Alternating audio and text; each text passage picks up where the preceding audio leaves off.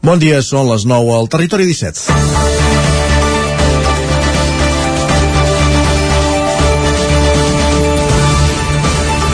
Renfe ampliarà a partir d'aquest dissabte i almenys fins al febrer de 2023 el número de trens que circulen per la línia R3. En concret, hi haurà tres serveis diaris més per sentit fins a la Garriga i dos fins a Vic. Els tres serveis fins a la Garriga iniciaran i acabaran el seu recorregut a l'estació de les Franqueses per les obres lligades al desdoblament que mantenen tancada la via morta de l'estació de la Garriga. Entre aquestes dues estacions hi haurà servei d'autobús. La millora és possible gràcies a la reprogramació dels serveis de la línia R1, la del Maresme, que iniciaran i acabaran el seu recorregut a l'estació de l'Hospitalet de Llobregat. Amb aquestes noves freqüències es compensen les que s'havien perdut els últims anys. D'entrada, el col·lectiu, perquè no es fotin el tren, valora positivament els canvis, però també posa l'accent en la pèrdua de connexions amb els trens francesos a la Tor de Carol. En aquest sentit, es demana una coordinació d'horaris amb tres línies franceses, el tren groc, la connexió amb Tolosa, de Llenguadoc i la nocturna fins a París. En matèria de tren, en aquest país hem estat molt de temps aturats. Ara sembla que es va avançant, però a ritme de tren, aquell que triga avui el mateix en arribar a Barcelona que fa pràcticament un segle. Paciència, que en aquest aspecte ja hem demostrat tots plegats que no ens en falta, i si no, demaneu avui als oferts usuaris de la línia R1 o del Maresme, sense connexió durant dues hores, aquest matí per una variant. És dijous 21 d'abril de 2022. Comença el Territori 17 a la sintonia de Ràdio Cardedeu, una codinenca, la veu de Sant Joan, Ràdio Vic, el 9 FM i el 9 TV. Territori 17, amb Isaac Moreno i Jordi Sunyer.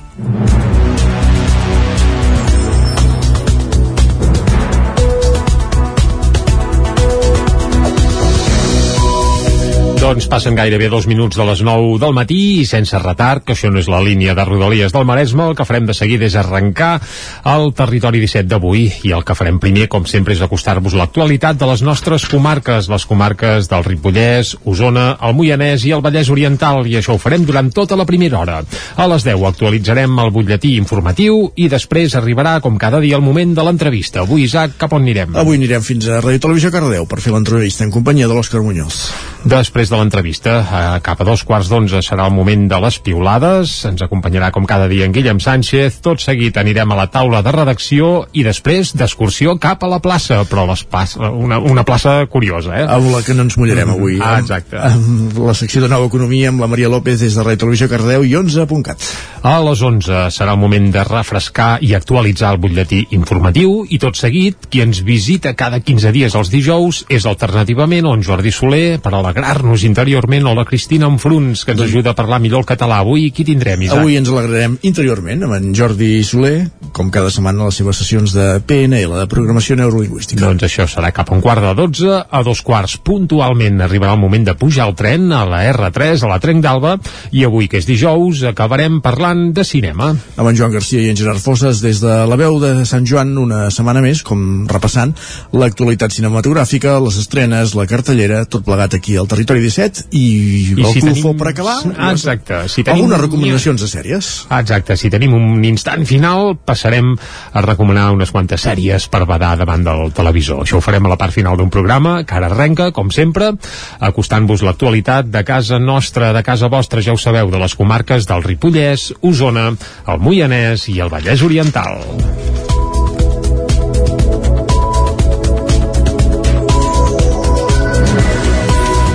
Per explicar-vos aquesta hora que des d'aquest dimecres per entrar dins una botiga, un restaurant o un cinema ja no és necessari dur la mascareta posada durant les primeres hores d'aquesta mesura que arriba en un context d'estabilitat de la Covid-19 s'ha pogut veure de tot, gent que no la portava a l'interior d'establiments comercials i d'altres que no se la volen treure encara. Això sí, cal recordar que hi ha algunes excepcions. Per exemple, la rutina no ha canviat pels treballadors i clients de la farmàcia Vilaplana de Vic. Cal dur encara la mascareta a l'interior, tal com marca la normativa, ja que establiments com el seu pertanyen al col·lectiu de centres sanitaris. És una de les poques excepcions on encara és obligatori dur aquest element de protecció en interiors. També s'ha de portar dins dels autobusos, trens, metros i també l'han de dur els treballadors i visitants d'hospitals i centres sociosanitaris. Ho recorda Josep Vilaplana, que és el titular de la farmàcia Vilaplana de Vic. Ens vindria de gust treure'ns-la a tots, per descomptat, però en qüestió laboral nosaltres la seguirem portant mentre el Departament de Salut no digui el contrari. No deixem de ser un establiment obert al públic, si tu vols una botiga entre cometes, en quant a relació directa entre usuari, client i professional sanitari que la- l'atén, però, és clar, l'usuari ha d'entendre que sempre la farmàcia acaba sent un punt de trobada de gent que pot tenir patologies, dolències. Aleshores, extremar la precaució En temes de salut, ser prudent sempre està bé, sempre és bo. Aquesta prudència també la mantenien alguns dependents i clients de comerços generalistes de Vic durant les primeres, de, durant les primeres hores, volem dir, sense mascareta obligatòria en espais interiors. La retirada de la mascareta havia d'arribar algun dia o altre, però serà qüestió de temps que tothom s'hi vagi acostumant. Escoltem en aquest sentit i per aquest ordre a Jordi Buixeda, dependent d'un estanc, i a Francesc Rovira, gerent d'Interesport a Barest de Vic. Està bé que cada cop deixin més llibertat, a la gent encara es té d'anar acostumant, nosaltres personalment encara, encara l'anirem portant perquè hi ha gent que encara eh, veure la persona que despatxa eh, sense mascareta encara li fa una mica de cosa i nosaltres encara la seguirem portant però bueno, a poc a poc es anirà, es anirà adaptant tothom i, i a poc a poc ens l'anirem traient és una mesura que havia d'arribar tard o d'hora que està bé que sigui així, crec jo perquè si no no, no aniríem avançant tot i així sempre continuarem anant amb una certa mesura amb una certa cura i vigilarem amb posar-nos de tant en tant la mascareta segons els moments d'afluència que hi puguin haver a la botiga. Tot i que ja no sigui obligatori dur mascareta a la majoria d'espais interiors, es recomana seguir-la utilitzant quan hi pugui haver aglomeracions, quan no es pugui respectar la distància social o si es tenen símptomes de Covid o alguna altra afectació respiratòria. Continuem a l'àmbit sanitari perquè l'Institut Català de la Salut té sobre la taula la possibilitat de fer un CAP nou que substitueixi l'edifici de l'ambulatori de la plaça Divina Pastora de Vic. L'alternativa passaria per una reforma integral de l'equipament actual on a més del centre d'atenció primària hi ha altres serveis. L'Institut Català de la Salut està estudiant l'opció de construir un nou centre d'atenció primària a Vic que substitueixi l'ambulatori de la plaça de la Divina Pastora. És una possibilitat que hi ha sobre la taula, com també la d'una reforma integral de l'edifici actual per resoldre'n les mancances. La gerent de l'ICS a la Catalunya Central, Anna Forcada, considera que d'aquí a 4 o 5 anys s'hauria de poder disposar d'un equipament en condicions. L'escoltem. És un centre que té ja mancances estructurals i també d'espai i necessita segurament una reforma, una rehabilitació o potser un cap nou. Després de les reformes dels centres d'atenció primària de Call d'Atenes i Tona, el projecte que està més avançat a la comarca d'Osona és ara el de l'ampliació del Cap de Torelló. En el cas de Manlleu, on l'Ajuntament ja ha cedit un espai per a un edifici de nova construcció, el Parc Torrent Magí, hi ha la necessitat d'espai més urgent. Per això és probable que s'hi instal·li una estructura modular que es pugui utilitzar fins que el nou CAP no estigui enllestit. Pel que fa a la sortida de la sisena onada de la pandèmia, la situació als centres d'atenció primària d'Osona és de progressiva normalització després de dos anys marcats pels successius pics de la Covid. Escoltem a l'Anna Forcada. No hi ha saturació en els equips de primària, els equips estan oberts, s'estan atenent visites de forma presencial, també telefònica, també per videoconsulta i el, el que volem precisament és que la gent no tingui por de venir i que torni a recuperar doncs, el contacte amb els seus professionals assistencials. A Osona hi ha mig miler de professionals que treballen en l'atenció primària, repartits en 11 àrees bàsiques. D'aquestes, 9 depenen directament de l'Institut Català de la Salut. Canviem de qüestió, canviem de comarca. Dues persones ferides en un xoc frontal de dos vehicles entre Sant Pau de Segúries i Camprodon. La veu de Sant Joan, Isaac Muntades. Aquest dimarts a la tarda, quan passaven només 4 minuts de les dues, es va produir un accident de trànsit entre Sant Pau de Segúries i Camprodon a la carretera C38, més concretament al punt quilomètric 5.2. Segons va informar el Servei Català de Trànsit, el sinistre va tenir lloc en direcció a Camprodon i s'hi van veure implicats dos vehicles. Per sort, no es van haver de lamentar víctimes mortals i, segons el primer informe de l'estat dels ferits, una dona va ser traslladada a l'Hospital Doctor Josep Trueta de Girona amb diagnòstic de ferida menys greu, mentre que una altra persona que va estar implicada en aquesta col·lisió frontal també va ser traslladada amb ambulància cap a Girona, però només amb ferides lleus. En les tasques d'atenció a l'accident van participar-hi els Mossos d'Esquadra, ambulàncies del Servei d'Emergències Mèdiques, un helicòpter medicalitzat i efectius dels bombers de la Generalitat de Catalunya. Canviem de comarca altre cop, anem fins al Vallès Oriental perquè la Fundació Santa Susana de Caldes de Montbui celebra avui els 25 anys de la unitat de cures pal·liatives. Una codinenca, Caral Campàs. Durant aquest matí, la Sala Noble de Can Rius de Caldes és l'escenari d'una jornada commemorativa dels 25 anys de la unitat de cures pal·liatives de la Fundació Santa Susana, fundada el 31 de gener de 1996. Els impulsors volen aprofitar l'efemèride per reflexionar sobre la feina feta durant aquest quart de segle i també observar el present i el futur d'aquesta tasca vital per a les persones que tenen malalties cròniques avançades o bé que es troben en situació de final de vida. D'aquesta manera, el programa inclou una taula rodona sobre el present de les cures pal·liatives amb la participació de representants dels hospitals de Sant Celoni, Granollers i Mollet del programa d'atenció domiciliària i equips de suport del Vallès Oriental i de la mateixa Fundació Santa Susana. Posteriorment hi haurà una conferència sobre el futur d'aquest tipus de cures a càrrec d'Iñaki Salagueri, especialista en cures paliatives i bioètica. L'objectiu de les cures paliatives és millorar, tant com es pugui i el més aviat possible, la qualitat de vida de la persona malalta i el seu entorn cuidador. Tot plegat té la missió de mitigar el patiment físic i emocional associat a la mort per viure el millor possible el tram final de la vida i morir de forma digna i acompanyada. Gràcies, Caral. Ho avançàvem a la portada. La línia R3 recupera dos serveis diaris per sentit fins a Vic i 3 fins a la Garriga. Renfe ampliarà a partir d'aquest dissabte i almenys fins al febrer de 2023 el número de trens que circularan per la R3. En concret, segons ha explicat Xavier Flores, secretari general d'Infraestructures del Ministeri de Transports, Mobilitat i Agenda Urbana, hi haurà tres serveis diaris més per sentit fins a la Garriga i dos fins a Vic. Els tres serveis fins a la Garriga iniciaran i acabaran el seu recorregut a l'estació de les Franqueses per les obres lligades al desdoblament que mantenen tancada la via morta de l'estació de la Garriga. Entre aquestes dues estacions hi haurà serveis d'autobús. La millora és possible gràcies a la reprogramació dels serveis de la línia R1, la del Maresme, que iniciaran i acabaran el seu recorregut a l'estació de l'Hospitalet. D'entrada, el col·lectiu Perquè no ens fotin el tren valora positivament els canvis, però ja fa uns dies que demana que es publiquin els nous horaris. I al Vallès Oriental, el servei de recollida de residus porta a porta de Llinars del Vallès, en funcionament des del 4 d'octubre de l'any passat, comença a donar bons resultats. Els dos primers mesos del 2022 s'ha arribat al 87,3% de recollida selectiva i a una disminució de fins al 12,7% de la fracció de resta. Ràdio Televisió Cardedeu, Núria Lázaro. En aquest període de temps s'han recollit 34 tones dels residus que es deixen a les papereres del municipi, els que recullen les màquines escombradores i els abocaments incívics. Aquesta quantitat representa el 7,5% del total de residus recollits a Llenes del Vallès.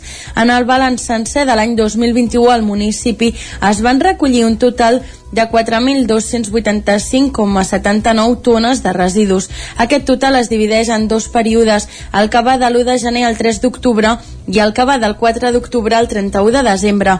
De la gràfica resultant es detecten diferències significatives en la recollida selectiva de les diverses fraccions. De tota manera, els resultats més espectaculars es noten en la fracció resta. Si bé en el període de gener al 3 d'octubre les tones recollides de mitjana mensual 305,15 tones, del 4 d'octubre al 31 de desembre de 2021 les tones van disminuir fins a 79,70. L'Ajuntament de Llines del Vallès també valora el fet que en la davallada de la recollida total de residus hi ha influït l'absència del que es coneix com a turisme de residu, és a dir, veïns d'altres municipis on s'aplica el porta a porta que llencen els seus residus a pobles on encara es fa la recollida amb contenidors fet que fins ara passava a Llenes del Vallès. També hi influeix el fet que des del consistori s'ha començat a sancionar a totes aquelles persones que dipositen les seves bosses de residus a les papereres o les deixen abandonades al carrer sense seguir el correcte ús del sistema de recollida porta a porta. I a Osona, Santa Maria de Besora ha substituït el tradicional mercat medieval que feia el divendres sant per la mostra Firart, que es va fer durant tot el dissabte al centre del poble. La fira, organitzada pel col·lectiu Art Besora, constava d'una dotzena de parades d'artesans locals i s'hi podien trobar productes tan variats com art fet amb pell, quadres, ungüents o alimentació de proximitat. La fira també va comptar amb música en viu.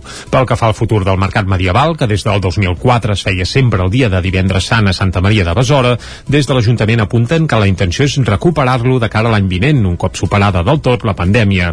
Aquest any, però, per mantenir viva la flama, hi ha hagut el Firart. Ho explica Joan Font, que és membre de l'organització de la mostra.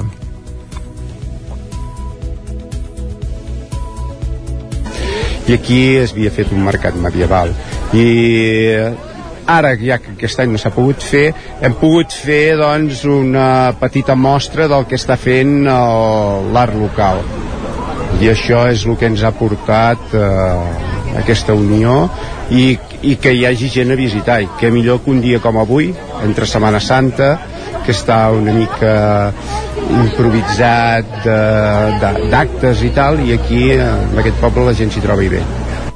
L'alcalde de Santa Maria de Besora, Camil Adam, un petit poble amb només 160 habitants, felicitava els organitzadors de la fira, el col·lectiu Art Besora. L'escoltem tot el que sigui fer coses d'aquestes crec que és important per tots els pobles, a més a més els pobles petits que són poca gent doncs jo felicito els que organitzen això que s'ho han tret tot d'ells i crec que és molt important i, i que això pugui anar endavant i cada vegada sigui més, més gros. L'any que ve, amb el permís de la pandèmia, el Mercat Medieval de Santa Maria de Besora es tornarà a fer el divendres sant després de 3 anys sense celebrar-se. La Firart, però, també tindrà continuïtat. I el biguetà Javier Iglesias, que ha perdut un alt percentatge de visió, publica la seva primera novel·la basada en la vida del també biguetà Carles Cañizares, que té una paràlisi cerebral. Quan Carles Cañizares va néixer, els metges van dir als seus pares que hi havia un 99% de possibilitats que quedés vegetal i que només tenia un 1% de possibilitats que pogués anar amb cadira de rodes i aguantar el cap. Un error mèdic, explica, li va causar una paràlisi cerebral espàstica que li ha marcat la vida, una vida que ara ha recollit en forma de novel·la el també biguetà Javier Iglesias en el que és el seu primer llibre. Les primeres pàgines de Charlie, El precio de un error, aquest és el títol del volum, volen ser un petit homenatge als pares de Cañizares. Més endavant s'hi retrata la seva adolescència i l'entrada al món laboral al 1999, quan va entrar a treballar a l'11. També com es va treure el carnet de conduir i com simultàniament vivia en primera persona el rebuig a l'hora de trobar parella, per la qual cosa va entrar en el món de la prostitució.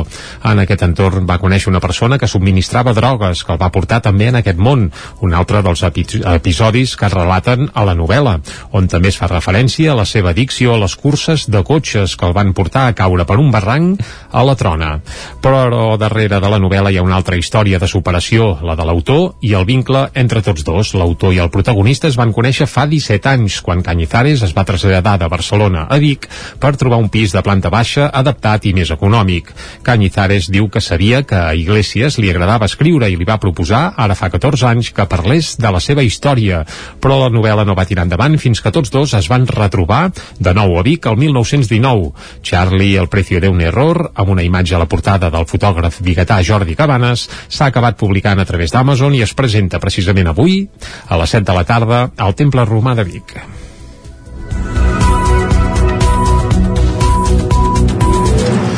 Ha acabat aquest resum, repàs informatiu que començàvem a les 9 del matí en companyia de Jordi Sunyer, Núria Lázaro, Caral Campàs i Isaac Muntades. És moment de conèixer la previsió meteorològica. Per això de seguida saludem en Pep Acosta.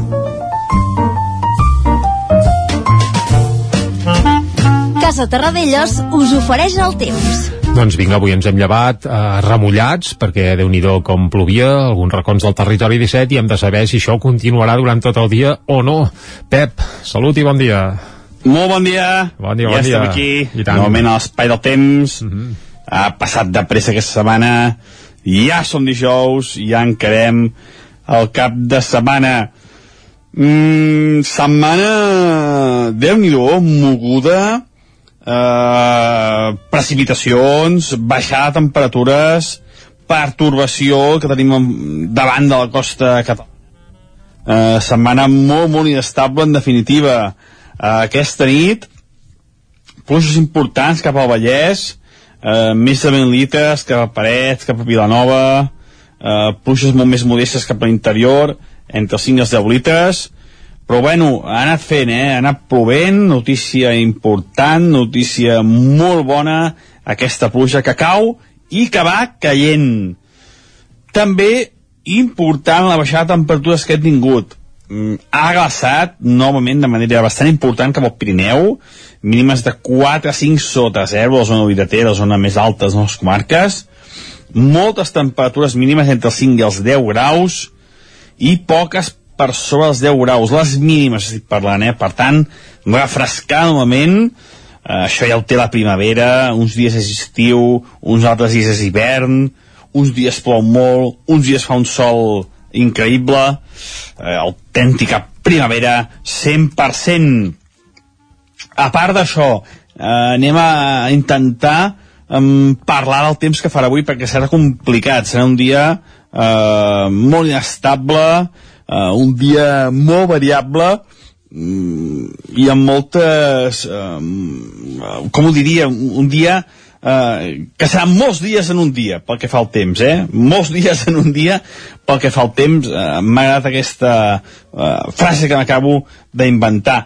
Eh, ens llevem amb una amb bastanta pluja, ens llevem amb, amb temperatures baixes i més o menys aquesta pluja serà protagonista eh, fins al migdia. Mm, primer de la tarda, després deixarà precipitar però la nuvolositat no marxarà ni de bon tros. Durant tot el dia estarà força, força tapat a totes les nostres comarques.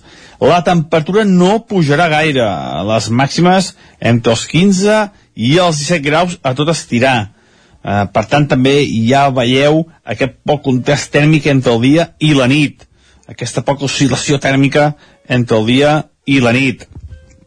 Vents variables, sobretot de direcció de mar cap a... de, de mar d'est, eh, perdó, de, de, de, d'est a oest, de direcció de mar cap a terra. Eh, com més a prop del peritoral, més fort bufarà el vent, cops de 40-50 km per hora cap al peritoral, eh, zones d'interior de muntanya, vents més febles. Eh, està bufant aquest vent perquè, com deia, tenim aquesta pertorbació eh, sobre el litoral català que ens està portant aquests vents de allevantats, aquests vents de eh, més aviat de, de llevant, entre sud i llevant, que s'està produint ara mateix a eh, tot Catalunya per aquesta pertorbació. Eh, jo crec que les precipitacions sumaran uns 10, 20, 30 litres a tot estirar. La majoria entre els 10 i els 20. Els llocs que pugui més, superior als 30 eh, durant tot aquest matí. Notícia molt bona, molt bona eh, per tothom no farà mal, anirà plovent mica en mica, per tant, molt bones eh, notícies. I això és tot, a disfrutar el dia d'avui, el dia més inestable de la setmana. Uh -huh. A partir de demà, la inestabilitat anirà una mica menys, eh, tot i que dissabte Sant Jordi veurem, veurem què acaba passant perquè els mapes a punt d'acabar plou una mica. Moltes gràcies, adeu. Doncs vinga, Pep, que vagi molt bé i estarem al cas de la previsió de cara a Sant Jordi, eh, que sembla que podria venir acompanyada d'aigua. Bé, ai, ai, ai. el dia és molt llarg, eh? Sant Jordi sí. també pot fer un ruixadet i després un bon solet, però... I el país molt gran, també pot ploure algun lloc i, i d'altres no. Va, demà, demà afinarem la previsió de cara a Sant Jordi, amb en Pep Acosta l'escoltarem d'aquí una estona, ara el que farem és anar cap al quiosc. Casa Tarradellas us ha ofert aquest espai. Doncs això, moment de conèixer les portades dels diaris del dia. Comencem pel punt avui? Correcte, comencem pel punt avui, com cada dia, que titula Avís a Sánchez. Aragonès alerta la Moncloa que perilla l'estabilitat si no aclareix l'espionatge. Evidentment estem parlant del Catalan Gate, eh, aquest famós, eh? També Borràs, la presidenta del Parlament, reclama dimissions, començant pel mateix president socialista i uh, Pelusier va canviar el mòbil. Es veu que ja tenia clar que l'estaven espiant i es va canviar el mòbil i uh, ho explica en una entrevista al Punt Avui. També la fotografia no és pel Catalan Gate sinó per les mascaretes. I al Punt Avui apunten que la mascareta es resisteix a marxar. Desigual ús de la protecció el primer dia que deixa de ser obligatòria a l'interior. I a la fotografia s'hi veu gent a l'interior d'un comerç, alguns emmascarats i d'altres doncs a cara descoberta, és a dir, hi ha una mica de, desigualtat i tothom fa una mica encara el que vol. També en un raconet recte final a França, i és que ahir va haver un debat, un cara a cara, l'únic, per cert, que hi haurà entre Macron i Le Pen, i bé, al punt avui no entren a dir qui va guanyar, però sí que això, apunten recte final a França amb una fotografia petita entre Macron i uh, Le Pen, que bé, aquest diumenge es decidirà aviam qui, qui presideix. presideix doncs això, l'Elisi. Deixem el punt avui, anem cap a l'ara, pressió a Sánchez perquè aclareixi el paper del CNI. Aquest és el titular principal que apareix. Aragonès amenaça amb retirar el suport parlamentari al PSOE si no fa investigar l'espionatge i el govern espanyol no fa cap gest, mentre que Unides Podem demana una comissió específica al Congrés. La fotografia principal també és per Macron i Le Pen i diuen Macron a Le Pen. Putin és el seu banquer. Uh, això li va etzibar textualment durant el, el debat d'ahir i això del seu banquer ho posen entre cometes perquè es veu que va ser una de les frases que li va llançar Macron a Le Pen uh, es va quedar callada ella, veu que tampoc va acabar de contestar, va dir que no, no però, entendre, no però bé, bé, potser no, potser no. Més coses, va, anem cap al periòdico. Uh, Aragonès apuja la pressió a Sánchez per Pegasus, aquest és el titular principal, els dos presidents oberts a reunir-se després de l'escàndol de l'espionatge, aquest és el subtítol, és a dir, uh, bé, ells ja diuen que, que bé, que hi ha opcions de que es reuneixin igualment. També el, apareix una fotografia del Premi Nobel Tour dramaturg, Orban Panak, que està que l'entrevisten al suplement de literatura de, del periòdico i amb una fotografia gairebé a tota pàgina de, amb, un, amb, amb un raconet, però a tota pàgina al periòdico i diuen Abril, i el periòdico publica el nou suplement literari de premsa ibèrica, evidentment de cara a Sant Jordi, i hi ha una entrevista al Premi Nobel de, de literatura. També la venda de bicicletes es dispara i creix un 41% en 5 anys a l'estat espanyol. Això també a la portada del periòdico. Més portades va a l'avantguàrdia. Les aerolínies alerten del perill de col·lapse als controls del Prat. Eh, les companyies reclamen un augment del personal a l'accés de passatgers per evitar una altra crisi com la del 2018. A l'avantguàrdia avisen que si no s'amplia l'aeroport anem malament. Hi ha una cosa que teníem enterrada i sembla que la ressusciten. Però i els arguments per ampliar l'aeroport són els mateixos amb els quals es va fer la T2 en el seu moment. Però vaja, mm, sembla que com que llavors l'hem omplit de, de, no, sembla no, com que d'aleshores l'hem omplit de, De low cost, de low cost doncs ara ja no tenim aeroport d'altre cop, Bé. perquè, pel que ja volíem. Ah, què hi farem? Va, més coses. A la portada de La Vanguardia també hi ha Macron i Le Pen debatent i diuen Macron vincula Le Pen amb Putin. Aquest és el titular de, que es desprèn del debat que hi va haver ahir i també Sánchez assumeix que la crisi dels espies l'obliga a reimpulsar el diàleg català. I anem ara ràpidament a fer un cop d'ull a les portades espanyoles que s'editen des de Madrid i ho farem, doncs, per exemple, començant pel país. Le Pen ven moderació per retallar distàncies amb Macron, aquest és el titular del país. A El Mundo, Putin amenaça Occident amb un míssil que arribaria a Estats Units. Es veu que eh, ahir el van provar, aquest míssil, i va travessar tot Rússia des de oest i que ho va fer amb relatiu èxit.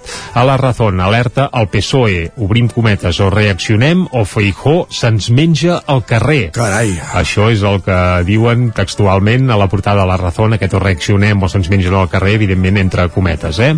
Uh, a l'ABC, la construcció s'esborra dels fons europeus i a la fotografia per gent al carrer sense mascareta i diuen la mascareta no se n'acaba d'anar i es veu gent encara emmascarada.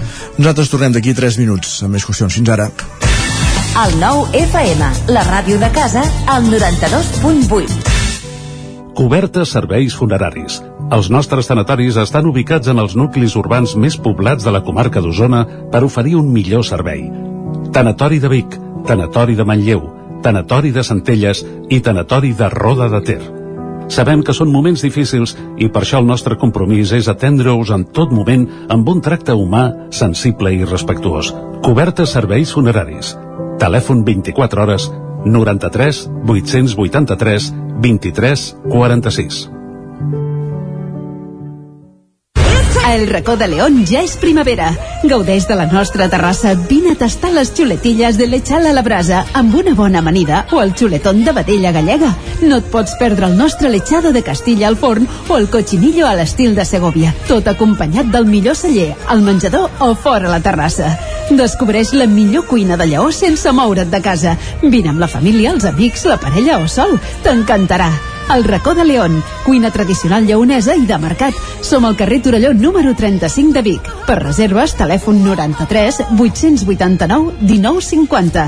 El racó de León, una cuina diferent.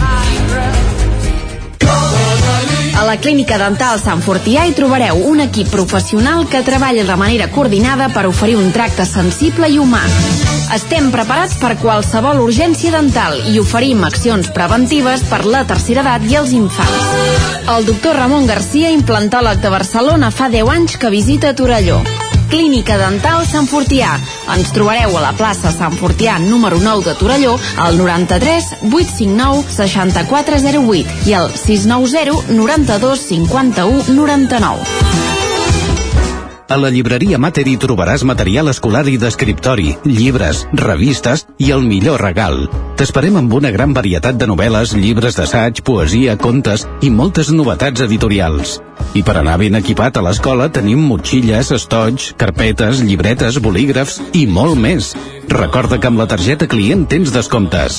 A Mater ho tenim tot a punt per celebrar Sant Jordi. Reserva o compra el teu llibre i gaudeix del dia del llibre tot el mes d'abril. T'esperem. Mater, llibreters amb vocació des de 1957. Llibreria Mater. Ens trobaràs al carrer Pla de Balanyà número 23 de Vic i a mater.cat. Anuncia't al 9FM. La màquina de casa. 9 3 8 8 9 4 9 4 9 Publicitat arroba al 9FM.cat. Anuncia't al 9FM. La publicitat més eficaç. El 9FM, el 9FM, el 9FM, el 9FM. Al territori de 7, clamem ara dos quarts de 10. Territori 17, amb Isaac Moreno i Jordi Sunyer.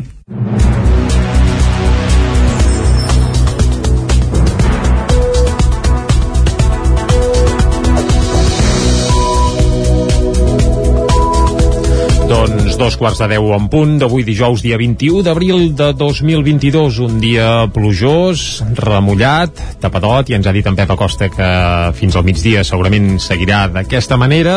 I el que tocarà ara de seguida és acostar-vos de nou tota l'actualitat de les nostres comarques. Ja us avancem que abans de les 10 hi posarem una mica de música i avui anirem d'estrena mundial.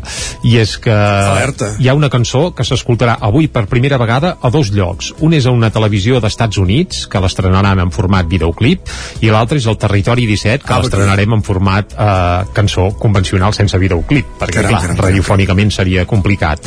Uh, això no havia passat mai eh? Que, alguna pista o... No, veig el títol, però ara mateix vaig perdut. No. El títol I Still Believe, believe in You, in you. Uh, Això deu anar per la Joana Serrat, o no? Doncs ho has endevinat, és el més nou de la Joana Serrat, que estrena uh, demà precisament estrena un nou single, un single que s'editarà en format uh, vinil, allò aquells singles petits amb cara A i cara, cara B, se'n faran només 100 còpies Carai. i només es, es podran adquirir uh, directament a través de la seva pàgina web, no es comercialitzaran de manera convencional, no es penjaran en lloc, uh, serà allò gairebé una edició de col·leccionista. correcte. I avui escoltarem la peça que obre la cara d'aquest nou single. Va, a les 10 actualitzarem uh, butlletins informatius i tot seguit arribarà el moment de l'entrevista. Avui, des de Ràdio Televisió Cardedeu i en companyia de l'Òscar Muñoz. A dos quarts d'onze, piulades, després farem un cop d'ull a les portades del 99.cat, anirem a la taula de redacció i tot seguit cap a la plaça. L'espai de Nova Economia amb 11.cat i la Maria López avui per parlar de nous conceptes, com per exemple les NFT. Descobrirem què són. Si no en tinc ni idea, NFT, mare de Déu. Doncs va, això ho descobrirem a tres quarts d'onze tocats, a les 11 serà el moment d'actualitzar-nos eh, de nou amb un butlletí informatiu i tot seguit qui ens visitarà serà... En Jordi Soler, amb l'espai d'Alegria Interior, ja ho sabeu, l'espai de PNL, que tenim cada 15 dies els dijous aquí al Territori 17. A dos quarts de dotze serà el moment de pujar a la R3 a la Trenc d'Alba i som dijous, per tant vol dir que acabarem anant al cinema. Per conèixer les estrenes i les novetats d'aquesta setmana a les cartelleres de casa nostra amb en Joan Garcia i en Gerard Fosses des de la veu de Sant Joan i donant pas per acabar algunes recomanacions de sèries. Doncs això serà a la part final d'un Ara que programa. Netflix comença a perdre usuaris, carai, carai, carai. Ah, bé, doncs bé, que potenciïn el català, per exemple, i poder en Enguanya fitxen algun de nou. Uh, va. Ara va per aquí la solució. Em sembla que la solució ara passa per la publicitat, que no sé si permet guanyar usuaris o...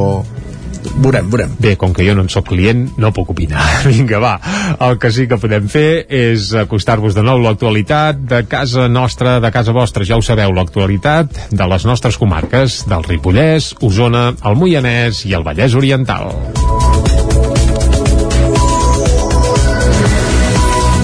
Per explicar-vos aquesta hora que des d'aquest dimecres, per entrar dins una botiga, un restaurant o un cinema ja no és necessari dur la mascareta posada durant les primeres hores d'aquesta mesura que arriba en un context d'estabilitat de la Covid-19 s'ha pogut veure de tot. Gent que no la portava a l'interior d'establiments comercials i d'altres que no se la volen treure encara. Això sí, cal recordar que hi ha algunes excepcions. Per exemple, la rutina no ha canviat pels treballadors i clients de la farmàcia Vilaplana de Vic.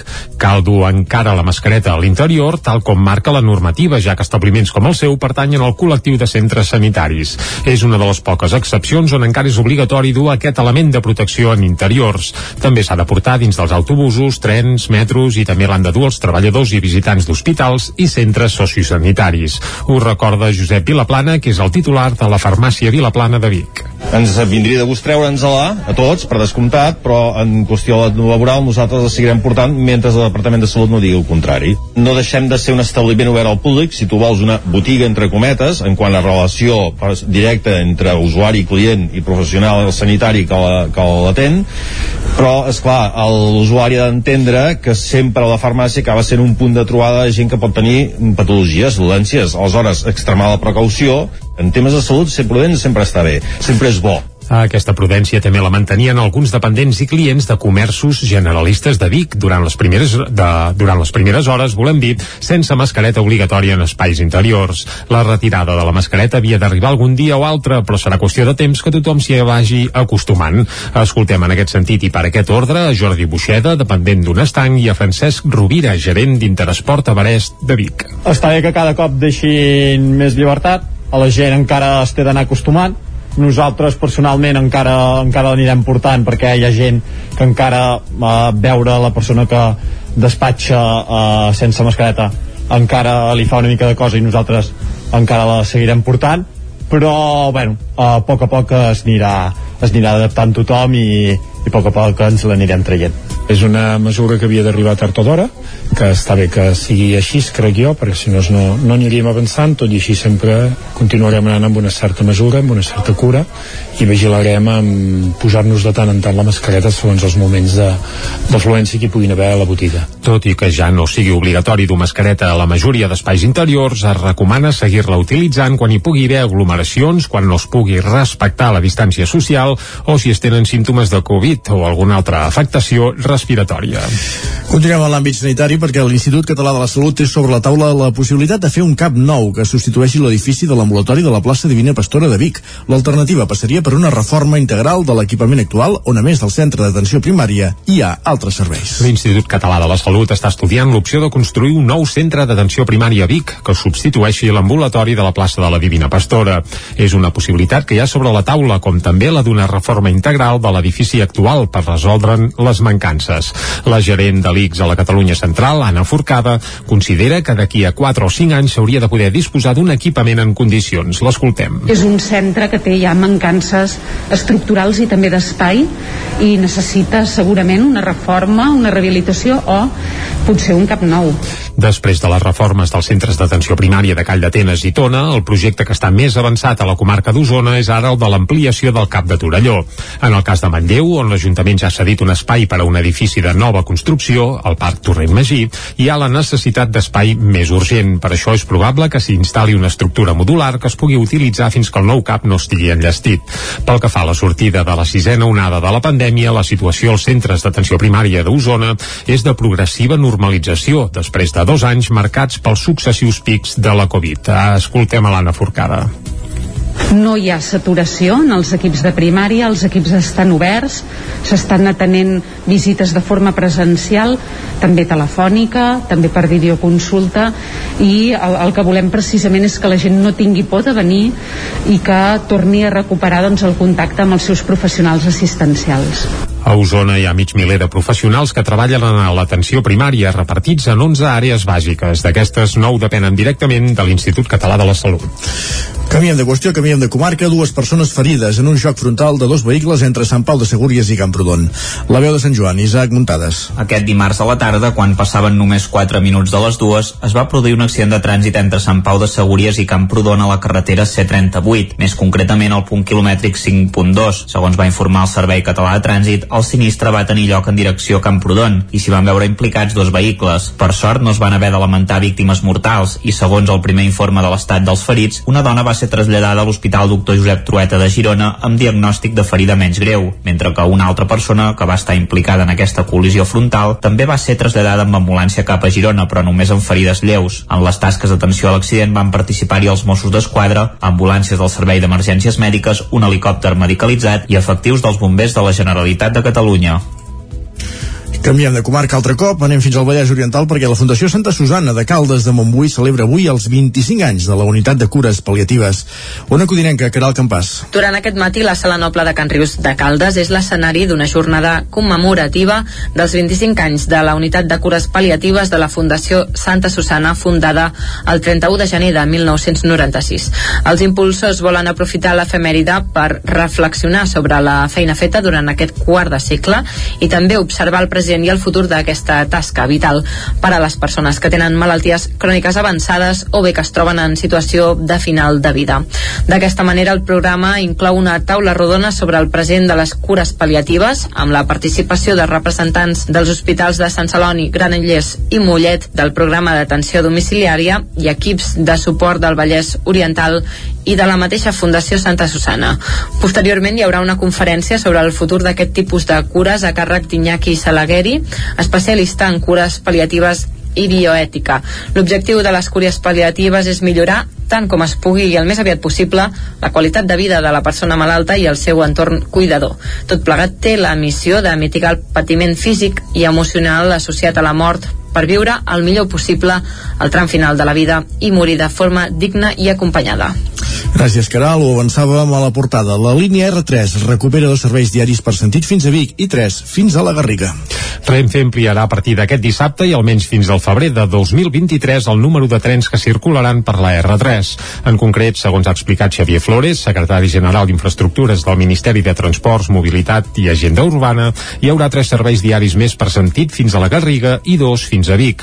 Els tres serveis fins a la Garriga iniciaran i acabaran el seu recorregut a l'estació de les Franqueses per les obres lligades al desdoblament que mantenen tancada la via morta de l'estació de la Garriga.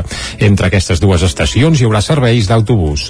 La millora és possible gràcies a la reprogramació dels serveis de la línia R1, la del Maresme, que iniciaran i acabaran el seu recorregut a l'estació de l'Hospitalet. D'entrada, el col·lectiu Perquè no ens fotin el tren valora positivament els canvis, però ja fa uns dies que demana que es publiquin els nous horaris. I al Vallès Oriental, el servei de recollida de residus porta a porta de Llinars del Vallès, en funcionament des del 4 d'octubre de l'any passat, comença a donar bons resultats. Els dos primers mesos del 2022 s'ha arribat al 87,3% de recollida selectiva i a una disminució de fins al 12,7% de la fracció de resta.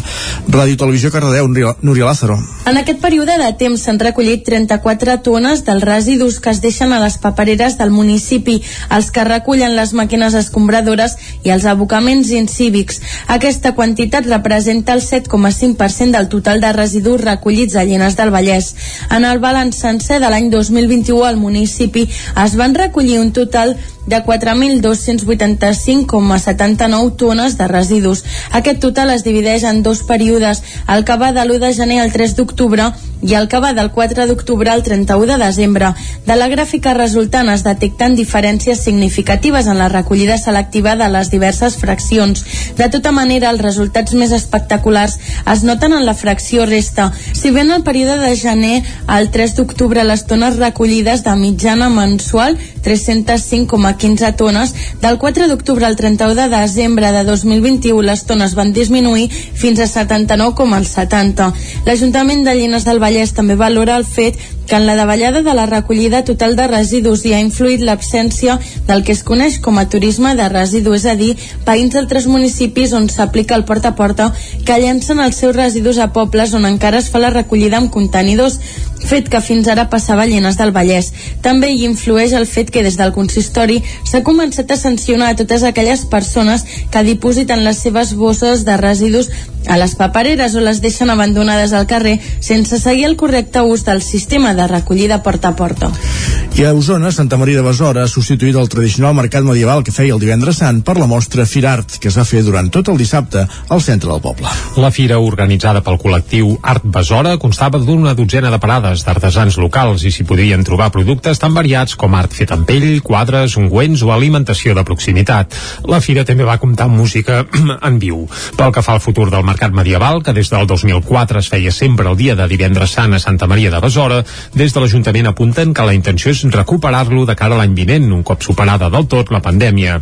Aquest any, però, per mantenir viva la flama, hi ha hagut el Firart. Ho explica Joan Font, que és membre de l'organització de la mostra.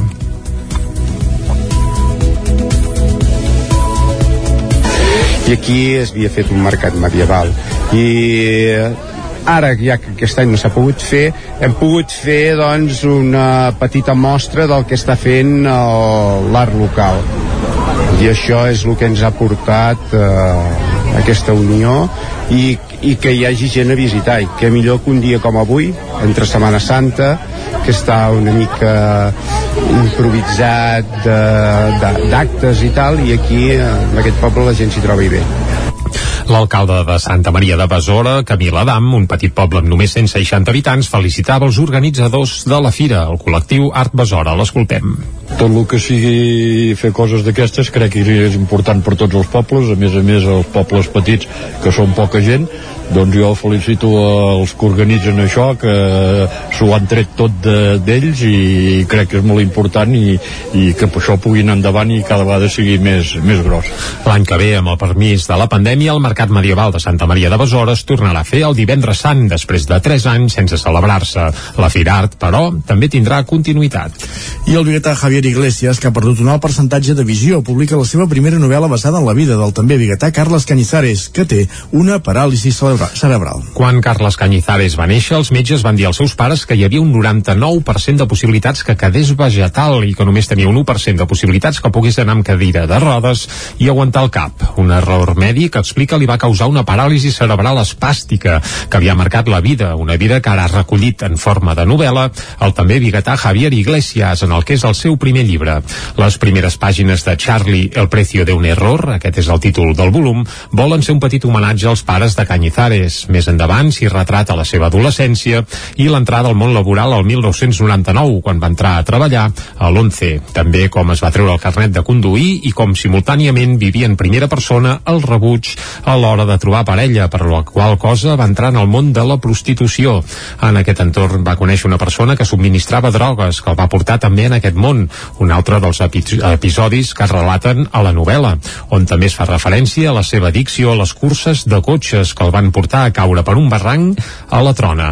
Però darrere de la novel·la hi ha una altra història de superació, la de l'autor i el vincle entre tots dos. L'autor i el protagonista es van conèixer fa 17 anys, quan Cañizares es va traslladar de Barcelona a Vic per trobar un pis de planta baixa adaptat i més econòmic.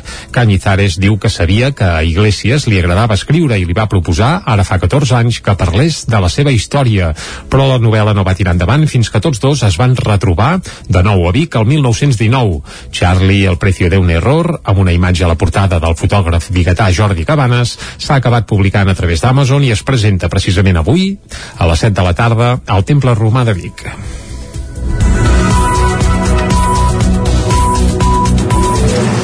Ha acabat aquest resum, repàs informatiu que començàvem a les 9 del matí en companyia de Jordi Sunyer, Núria Lázaro, Caral Campàs i Isaac Muntades. És moment de conèixer la previsió meteorològica. Per això de seguida saludem en Pep Acosta.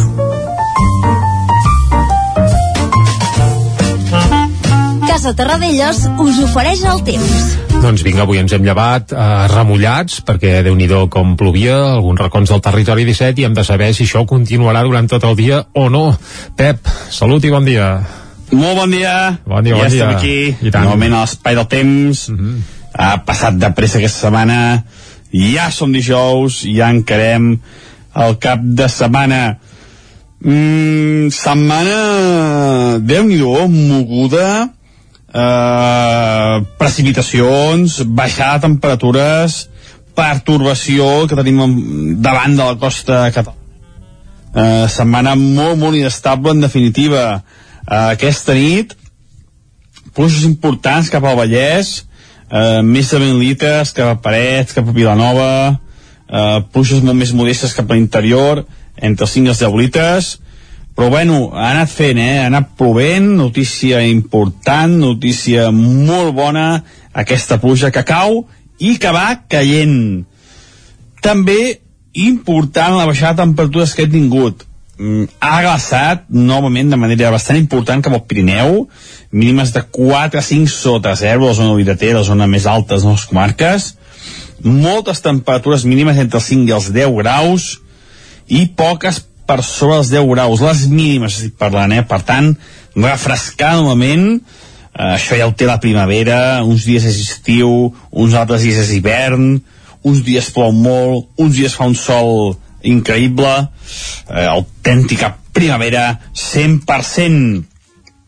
a part d'això, eh, anem a intentar um, parlar del temps que farà avui perquè serà complicat, serà un dia eh, molt inestable, eh, un dia molt variable, mm, i amb moltes eh, com ho diria un dia eh, que seran molts dies en un dia pel que fa al temps, eh? molts dies en un dia pel que fa al temps. Eh, m'ha agradat aquesta eh, frase que m'acabo d'inventar. Eh, ens llevem amb una amb bastanta pluja ens llevem amb, amb temperatures baixes i més o menys aquesta pluja serà protagonista eh, fins al migdia. Mm, primers de la tarda després deixarà de precipitar però la nuvolositat no marxarà ni de bon tros durant tot el dia estarà força, força tapat a totes les nostres comarques. La temperatura no pujarà gaire, les màximes entre els 15 i els 17 graus a tot estirar. Eh, per tant, també ja veieu aquest poc contrast tèrmic entre el dia i la nit. Aquesta poca oscil·lació tèrmica entre el dia i la nit. Vents variables, sobretot de direcció de mar cap a... de, de mar d'est, eh, perdó, de, de, de, d'est a oest, de direcció de mar cap a terra. Eh, com més a prop del peritoral, més fort bufarà el vent, cops de 40-50 km per hora cap al peritoral, eh, zones d'interior de muntanya, vents més febles. Eh, està bufant aquest vent perquè, com deia, tenim aquesta pertorbació eh, sobre el litoral català que ens està portant aquests vents de allevantats, aquests vents de eh, més aviat de, de llevant, entre sud i llevant, que s'està produint ara mateix a eh, tot Catalunya per aquesta pertorbació. Eh, jo crec que les precipitacions sumaran uns 10, 20, 30 litres a tot estirar. La majoria entre els 10 i els 20. Els llocs que pugui més, superior als 30 eh, durant tot aquest matí. Notícia molt bona, molt bona eh, per tothom. No farà mal, ni ha problema mica en mica, per tant, molt bones eh, notícies. I això és tot, a disfrutar el dia d'avui, el dia més inestable de la setmana. Uh -huh. A partir de demà, la inestabilitat anirà una mica menys, eh, tot i que dissabte Sant Jordi veurem, veurem què acaba passant perquè els mapes apunten que va ploure una mica. Moltes gràcies, adeu. Doncs vinga, Pep, que vagi molt bé i estarem al cas de la previsió de cara a Sant Jordi, eh, que sembla que podria venir acompanyada d'aigua.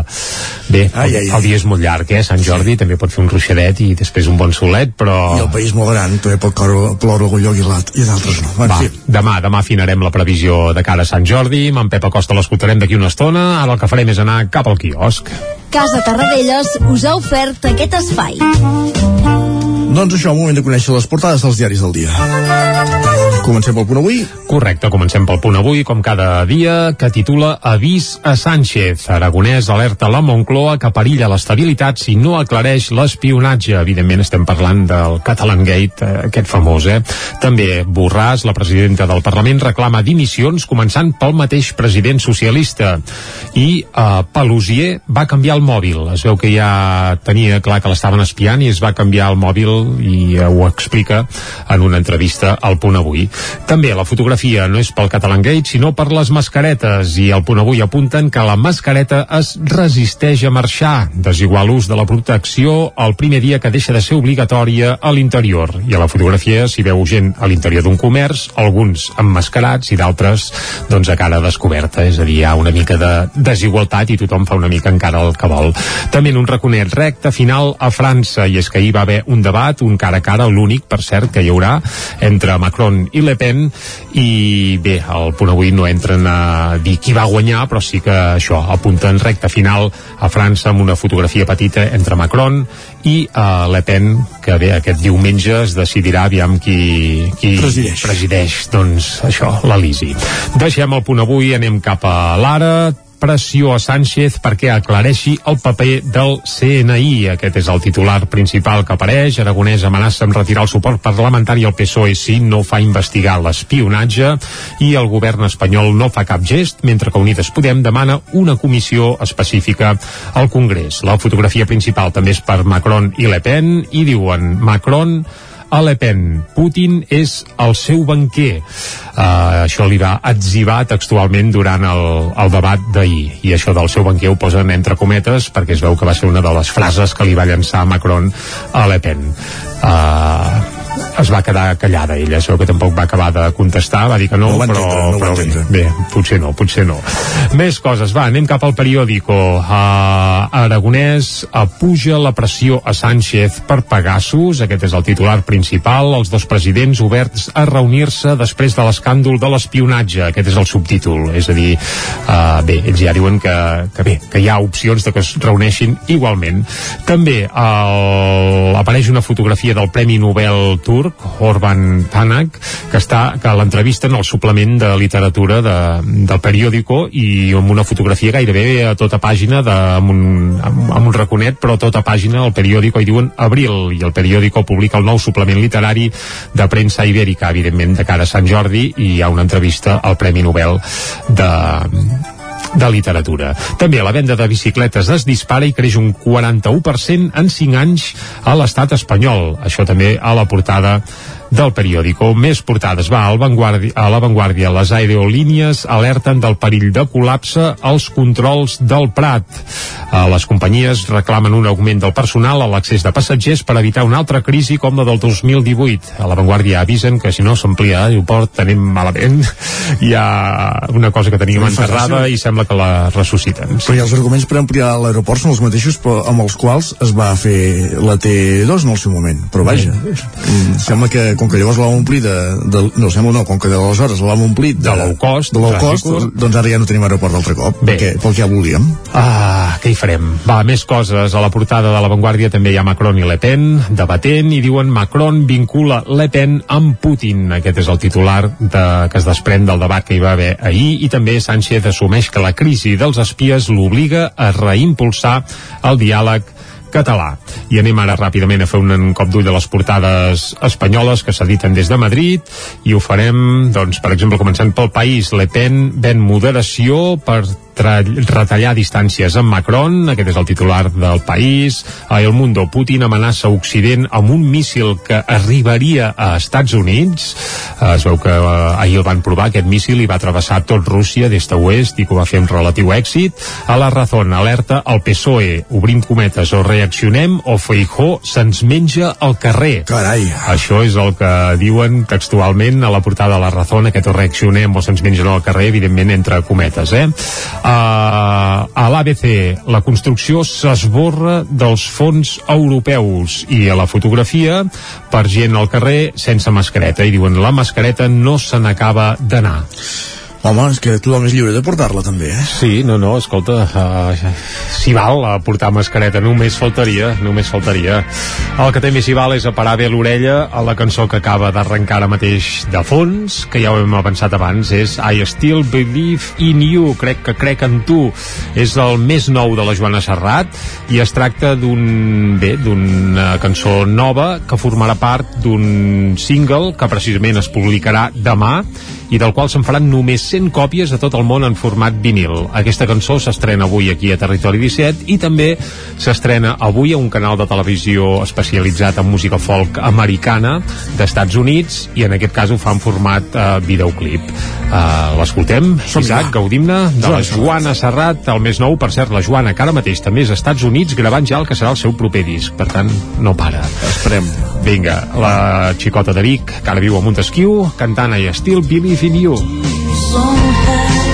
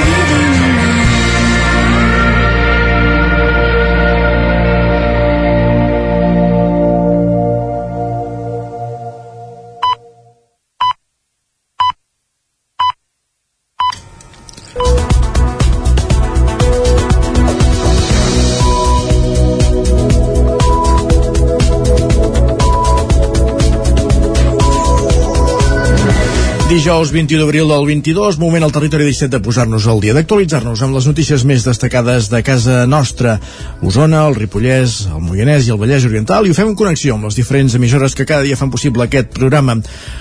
Ona Codinenca, Ràdio Cardedeu, el 9 FM, Ràdio Vic, la veu de Sant Joan i el 9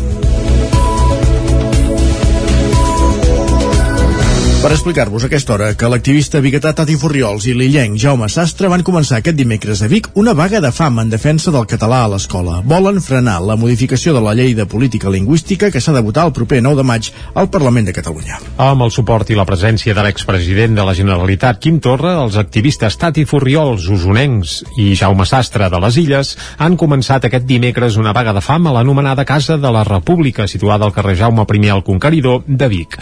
La protesta té per objectiu aturar la votació al Parlament de Catalunya de la modificació de la llei de política lingüística que ahir es va ajornar de nou i ara sembla que està prevista pel proper dia 9 de maig.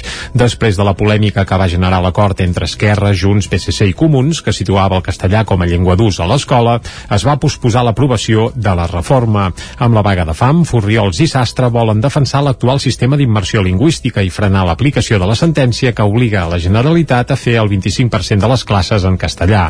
Escoltem per aquest ordre els activistes Tati Furriols i Jaume Sastre. Hi ha aquesta llei que s'ha de debatre al Parlament, nosaltres comencem aquí a la ciutat de Vic aquesta vegada fam per pressionar els partits polítics eh, perquè no s'aprovi aquesta llei perquè considerem que és injusta i que ataca a l'arrel, a la, a la columna vertebral de, de, la nostra, de la nostra terra, que és, és la llengua, la llengua catalana, la llengua dels països catalans. No ens podem quedar a la fase de, de lamentar-nos ni de plorar, ni de no, no, hem de lluitar. Convita a tothom que vulgui a venir, venir aquí, xerrar. Eh, eh, la vaga de fam, el que te dona s'aliment és, és contacte amb la gent. Entre el maig i el juny de 2014, Jaume Sastre ja va fer una vaga de fam de 41 dies en defensa de l'educació en català a les Illes Balears i Pitiuses. Furriols també havia fet de junis l'any 2018 per l'empresonament i l'exili dels líders independentistes catalans. Més qüestions, el Catalan Gate, el cas d'espionatge a través de la plataforma Pegasus, la plataforma israeliana, esquitxa l'eurodiputat i exalcalde de Caldes de Montbui, Jordi Solem. Caral Campàs, una codinenca. L'eurodiputat Calderí avançava aquesta setmana des del seu compte de Twitter que forma part de la llista de polítics que van ser espiats durant el 2020, concretament en unes converses per decidir qui substituiria a Oriol Junqueras al Parlament Europeu, càrrec que finalment va ocupar el Calderí.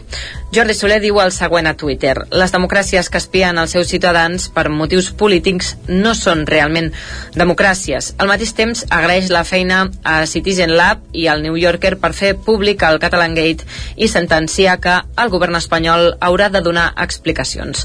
Soler forma part d'una llista de 65 líders independentistes que han estat víctimes d'espionatge en l'anomenat Catalan Gate, operació en què les persones afectades han tingut els telèfons mòbils intervinguts en programes espia.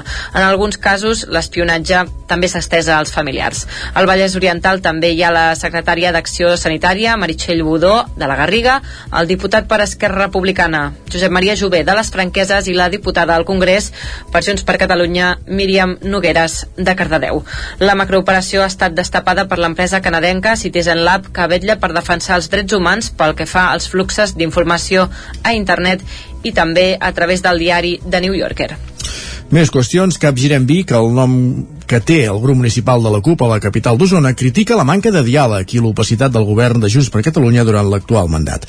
Segons la regidora copaire Carla Dinarès, tot i que a l'inici del mandat es va parlar de mà estesa i de consensos, la majoria absoluta que té l'equip de govern que encapçala ANR ha abolit el diàleg i els és molt complicat plantejar propostes per millorar la ciutat. Carla Dinarès es va estrenar fa 3 anys com a regidora de Capgirem Vic i fa uns dies el programa Anglo Obert del Nou TV feia un balanç positiu de l'experiència, però també es va mostrar molt crítica amb el tarannà poc dialogant de l'equip de govern encapçalat per ANR. L'escoltem. Sí que és veritat que es va començar la legislatura no? en, en, en plena digestió d'aquesta majoria absoluta, prometent eh, consens, prometent mà estesa i prometent doncs, molt diàleg que a l'hora de la veritat no hi ha set és molt difícil um, que hi hagi un diàleg amb, amb, amb gent que té una actitud com molt de, de tancar files no? m'explico perquè davant de qualsevol proposta o davant de qualsevol crítica ja no només a la crítica de govern eh, sinó a reflexions de, de com està el context social i per tant com s'han d'afrontar depèn quines problemàtiques um, hi ha un, una negació sistemàtica a que hi ha un problema per tant és molt difícil arribar a plantejar uh, solucions. Dinarès també va posar èmfasi en que els grans projectes de ciutat, com la nova biblioteca Pilarín Vallès o l'aparcament al Parc Maria Àngels Anglada, els ha aprovat l'equip de govern en solitari, cosa que demostraria la manca de voluntat d'entesa de l'equip d'ANR. Carla Dinarès. Tots els temes um, importants, claus de ciutat, doncs ara s'estan gestionant molts milions de romanent o s'han aprovat pressupostos ordenances tot el tema de, del, de l'aparcament del, del seminari vell les obres de la biblioteca aproven moltes coses soles uh -huh. I, i això vol dir que no, no hi ha flexibilitat possible no? amb, amb la seva acció de govern que entenc que és volgudament perquè llavors poder els mèrits també no són compartits i, i tothom eh, té una mica l'horitzó aquest de, de les eleccions de l'any que ve no des de que comença la precampanya sinó des del dia que, que s'acaben les eleccions del, de la legislatura anterior. Dinarès no va desvetllar si serà la cap de llista de Capgirem Vic la propera legislatura però va deixar ben clar que la ciutat no pot seguir com fins ara i que cal un canvi. Més qüestions, anem al Ripollès. l'Albert de la ruta del ferro de Sant Joan de les Abadesses continua tancat un cop passada la Setmana Santa. La veu de Sant Joan, Isaac Muntades. Ha passat la Setmana Santa i l'alberg de la ruta del ferro de Sant Joan de les Abadeses ubicat ubicat al costat de la via verda al barri de l'estació, continua tancat i encara no hi ha una data de reobertura fixada al calendari. L'equipament porta tancat més d'un any i mig des de la tardor de l'any 2020 en plena segona onada de la Covid-19, quan Xenescat, que en gestiona 22 a tot el territori, va passar a assumir-ne la gestió directa. El porteu d'Esquerra Republicana de Catalunya al consistori, Sergi Albric, ho ha qualificat de molt mal notícia perquè l'equipament rep entre 7.000 i 8.000 persones cada any que s'han perdut. A més, Albric recorda que l'Albert té una alta incidència econòmica i social arran dels visitants que porta porta i que fan despeses al municipi. La DIL diu que costa entendre que un cop se sabia que no es podria obrir per Setmana Santa, s'hauria d'haver fet una obertura subsidiària i no tenir-lo tancat. Ara recorda que a les portes de l'estiu ja hi hauria d'haver lligats els contractes de les estades de joventut, perquè si no es fa una previsió amb ventilació, diu que el futur pinta negre. El regidor republicà assenyala els que creu que són els responsables d'aquesta situació. Costa molt d'entendre que hi hagi qualsevol situació administrativa doncs, que demori aquest, aquest tancament. Vull dir que hi ha una doble responsabilitat, per una banda, funcionari, que és l'Ajuntament, que és el responsable responsable de l'equipament i en aquest cas també evidentment la Direcció General de Joventut com a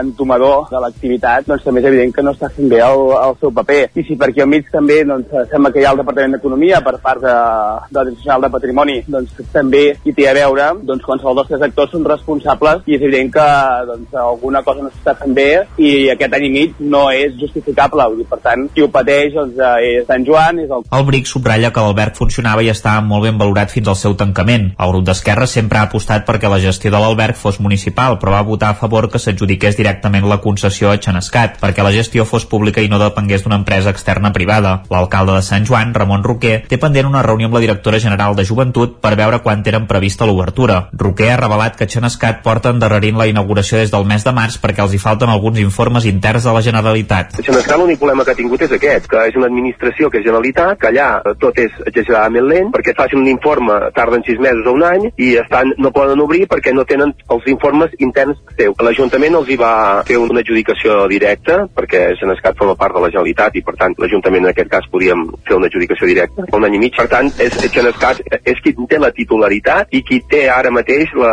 la responsabilitat d'obrir i per tant tots estem una mica pendents de que la pròpia Generalitat acabi amb, amb les seves gestions internes i administratives i tècniques i no sé què perquè, perquè això funcioni. Roquer va fer la reflexió que Esquerra es queixa quan forma part del govern i segons diu també és responsable que l'administració sigui tan feixuga. L'índex de supervivència de les noves empreses d'Osona és del 71% i Creacció va acompanyar durant l'any passat el naixement de, de 67 nous projectes empresarials. El 71% de les empreses de nova creació que han estat acompanyades per Creacció continuen actives al cap de 3 anys de funcionament.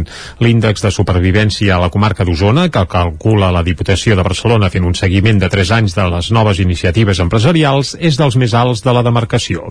Aquesta és una de les moltes dades dades que recull la memòria de l'Agència d'Emprenedoria, Innovació i Coneixement Creacció, que durant el 2021 va acompanyar 67 projectes empresari empresarials en la seva creació. Al llarg del 2021, Creacció va arribar a més de 3.300 participants en sessions de sensibilització. Va comptar amb 140 assistents a accions de formació i va assessorar 321 projectes. De les dades també en destaca que durant el 2021 va allotjar 42 empreses als seus espais per a l'emprenedoria, amb un 83% total d'ocupació. En el marc del programa Reempresa, un nou model d'emprenedoria que fomenta la continuïtat d'empreses econòmicament viables a través del relleu en la propietat i en la direcció, Creacció va acompanyar l'any passat 10 casos d'èxit. El programa Reempresa de Vic, precisament, va rebre el novembre passat al Solobizma Barcelona el segon premi al reconeixement al major nombre de casos d'èxit acreditats a Catalunya. Creacció es va crear l'any 2014.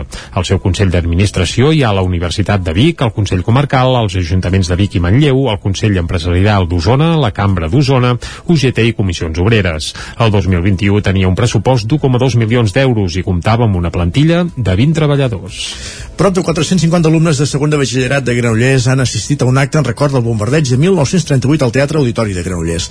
Han escoltat una conferència de Jordi Armadans, director de la Fundació de Fundipau, sobre el risc de les armes nuclears. Ràdio Televisió Cardedeu, Núria Lázaro. Des de l'any 2008 i dins dels actes de commemoració del bombardeig del 31 de maig de 1938, Granollers ha treballat per a la recuperació de la memòria històrica i la sensibilització i el foment de la cultura de pau. En aquest sentit, de manera permanent i en les diferents etapes escolars, s'impulsen programes d'educació per la pau i de coneixement dels drets humans. En el cas de l'alumnat de segon de batxillerat, els nois i noies que cursen el seu últim any escolar a la ciutat se'ls demana que s'emportin per sempre el llegat del testimoni del bombardeig de Granollers per tal que el puguin transmetre a les generacions futures. Les primeres edicions d'aquestes trobades es van poder fer amb testimonis directes del bombardeig que transmetien els seus records i vivències als joves. Malauradament han anat desapareixent i per aquest motiu en els darrers anys la reflexió sobre la guerra i la pau, la justícia global i els drets humans s'ha traslladat a conflictes actuals.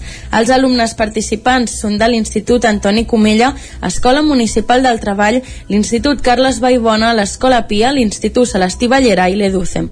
Esports. El Voltregà i el Manlleu ja coneixen els seus rivals a la fa fase final de la Copa de la Reina d'Hockey Patins. Ahir es va fer el sorteig a Lleida. El torneig es disputarà entre el 5 i el 8 de maig al pavelló 11 de setembre de la capital del Segrià. A la Copa de la Reina hi competiran el Manlleu i el Voltregà. Les manlleuenques s'enfrontaran als quarts de final amb l'Igualada i estan a la mateixa banda del quadre que les blanquiblaves que debutaran enfrontant-se al Telecable Gijón. Els dos conjunts que jugaran el primer partit el divendres 6 de maig es podrien trobar, per tant, a les semifinals. Els altres, do, els altres dos enfrontaments de quarts els disputaran el Palau contra el Cerdanyola i el Vilassana amb el Liceu. Escoltem a Anna Casa Ramona, jugadora del Martinelli a Manlleu, i a Uchua Eotegui del Voltregà Stern Motor, valorant el sorteig. Sabem que, que, que ser cap de sèrie eh, et dona cert poder fins a un punt, perquè s'han vist sempre moltes sorpreses, no té per què sempre guanyar el que va a cap de sèrie, a un partit poden passar moltes coses, és a una, a una pista doncs, que no estem acostumades a jugar ni, ni nosaltres ni, ni l'Igualada, i, i, veurem, i veurem què passarà. Ja sabíem que ens anava a tocar un equip difícil contra el que jugar, perquè al final juguem contra els quatre primers de la Lliga i res, intentarem donar tot el que puguem i intentar donar la sorpresa.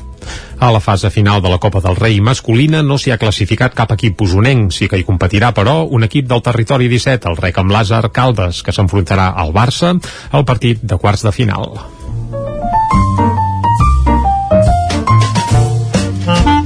Casa Terradellos us ofereix el temps. Moment pel temps. Doncs vinga, això vol dir que hem de saludar de nou en Pep Acosta, que a primera hora ja ens ha dit que almenys fins al migdia el tema de les pluges i ruixats ens continuaria fent companyia. El saludem de nou. Va, Pep, bon dia. Molt bon dia. I bona hora. Ens llevem amb una... amb bastanta pluja, ens llevem amb, amb temperatures baixes, i més o menys aquesta pluja serà protagonista eh, fins al migdia. Mm, primer hores de la tarda, després deixarà de precipitar però la nuvolositat no marxarà ni de bon tros. Durant tot el dia estarà força, força tapat a totes les nostres comarques. La temperatura no pujarà gaire.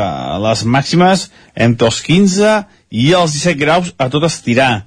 eh, per tant també ja veieu aquest poc contrast tèrmic entre el dia i la nit aquesta poca oscil·lació tèrmica entre el dia i la nit vents variables sobretot de direcció de mar cap a... de, de mar d'est, eh, perdó, de, de, de, d'est a oest, de direcció de mar cap a terra. Eh, com més a prop del peritoral, més fort bufarà el vent, cops de 40-50 km per hora cap al peritoral, eh, zones d'interior de muntanya, vents més febles. Eh, està bufant aquest vent perquè, com deia, tenim aquesta pertorbació eh, sobre el litoral català que ens està portant aquests vents de allevantats, aquests vents de eh, més aviat de, de llevant, entre sud i llevant, que s'està produint ara mateix a eh, tot Catalunya per aquesta pertorbació. Eh, jo crec que les precipitacions sumaran uns 10, 20, 30 litres a tot estirar.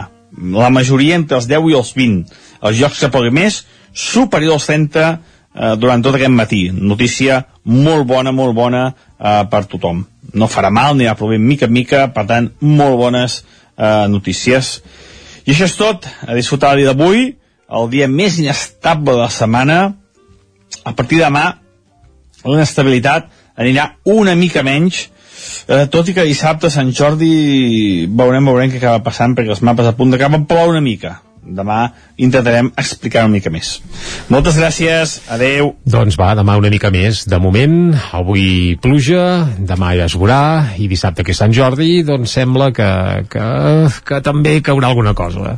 Veurem, estarem pendents. Però bé, l'important és que caiguin roses i llibres, també. i escolta, a Xupluc també se'n poden regalar, prendre i repartir. Només faltaria que no. Només faltaria, clar que sí. Va, som-hi, cap a l'entrevista. Doncs vinga, va, anem-hi. Casa Tarradellas us ha ofert aquest espai. Territori 17. Envia'ns les teves notes de veu per WhatsApp al 646 079 023. 646 079 023. WhatsApp Territori 17.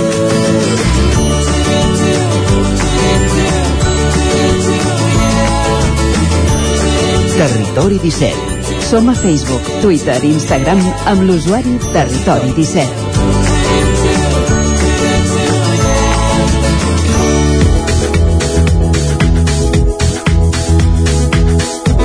Dos minuts i mig que passen d'un quart d'onze.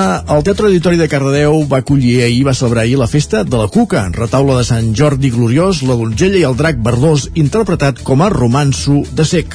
Òscar Muñoz, Ràdio Televisió Cardedeu, explica'ns. Bon dia. Bon dia. Bon dia. Doncs sí, avui parlarem d'això de...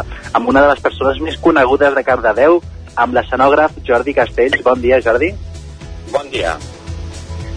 Venim això a parlar de, de la festa de la Cuca que es va celebrar ahir, com bé ha comentat l'Isaac. Eh, què vam poder veure? Bé, Ahir doncs tot, doncs tot un seguit de referències. Eh, va ser un, un acte eh, diguem-ne de poesia patriòtica, de, de memòria històrica, eh, de, de reconeixement d'una època que ja ens queda molt lluny, que hi havia molt entusiasme, que hi havia eh, eh, bueno, ganes de sortir al carrer i, i bé, tot això es va reivindicar i es va ensenyar ahir. I tant. També es va fer la... Bueno, també es va estrenar la pel·lícula inèdita, no?, de la primera Cuca de Cardedeu. Sí. De, del 1976. Perquè era, uh, esclar, es, estava rodada amb Super 8, eh, diguéssim que eh, això va quedar amb un calaix, eh, ho havíem vist un parell o tres vegades els que n'érem protagonistes, però es va quedar amb un calaix.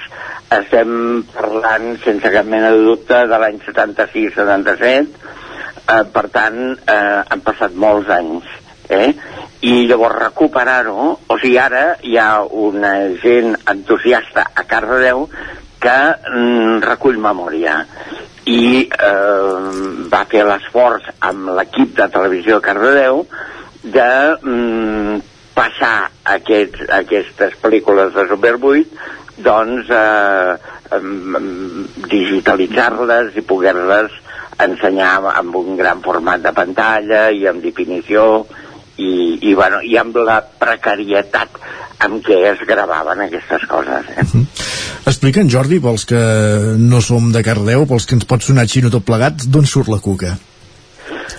Mira, la cuca surt una mica per aquell entusiasme d'un grup de teatre, que era el GAT, a Cardedeu, i que de cop i volta, eh, possiblement eh, enlluernats per la recuperació de, de, del bestiari, de, després d'haver vist i, i fer-nos amics de comedians que també eren eh, clar, el grup que envelleix els carrers amb la festa, amb el foc, amb els dracs, amb els dimonis. Clar, tot això eh, nosaltres érem, érem esponges i anàvem absorbint eh, aquelles coses que ens semblaven més engrescadores. Llavors, eh, eh, fer una peça com la Cuca, que era un, un cap d'un drac amb una tela que podia fer 25 o 30 metres de llarg portada per gent del carrer, eh, clar, això era molt participatiu i, i això és el que era, era eh, la Cuca.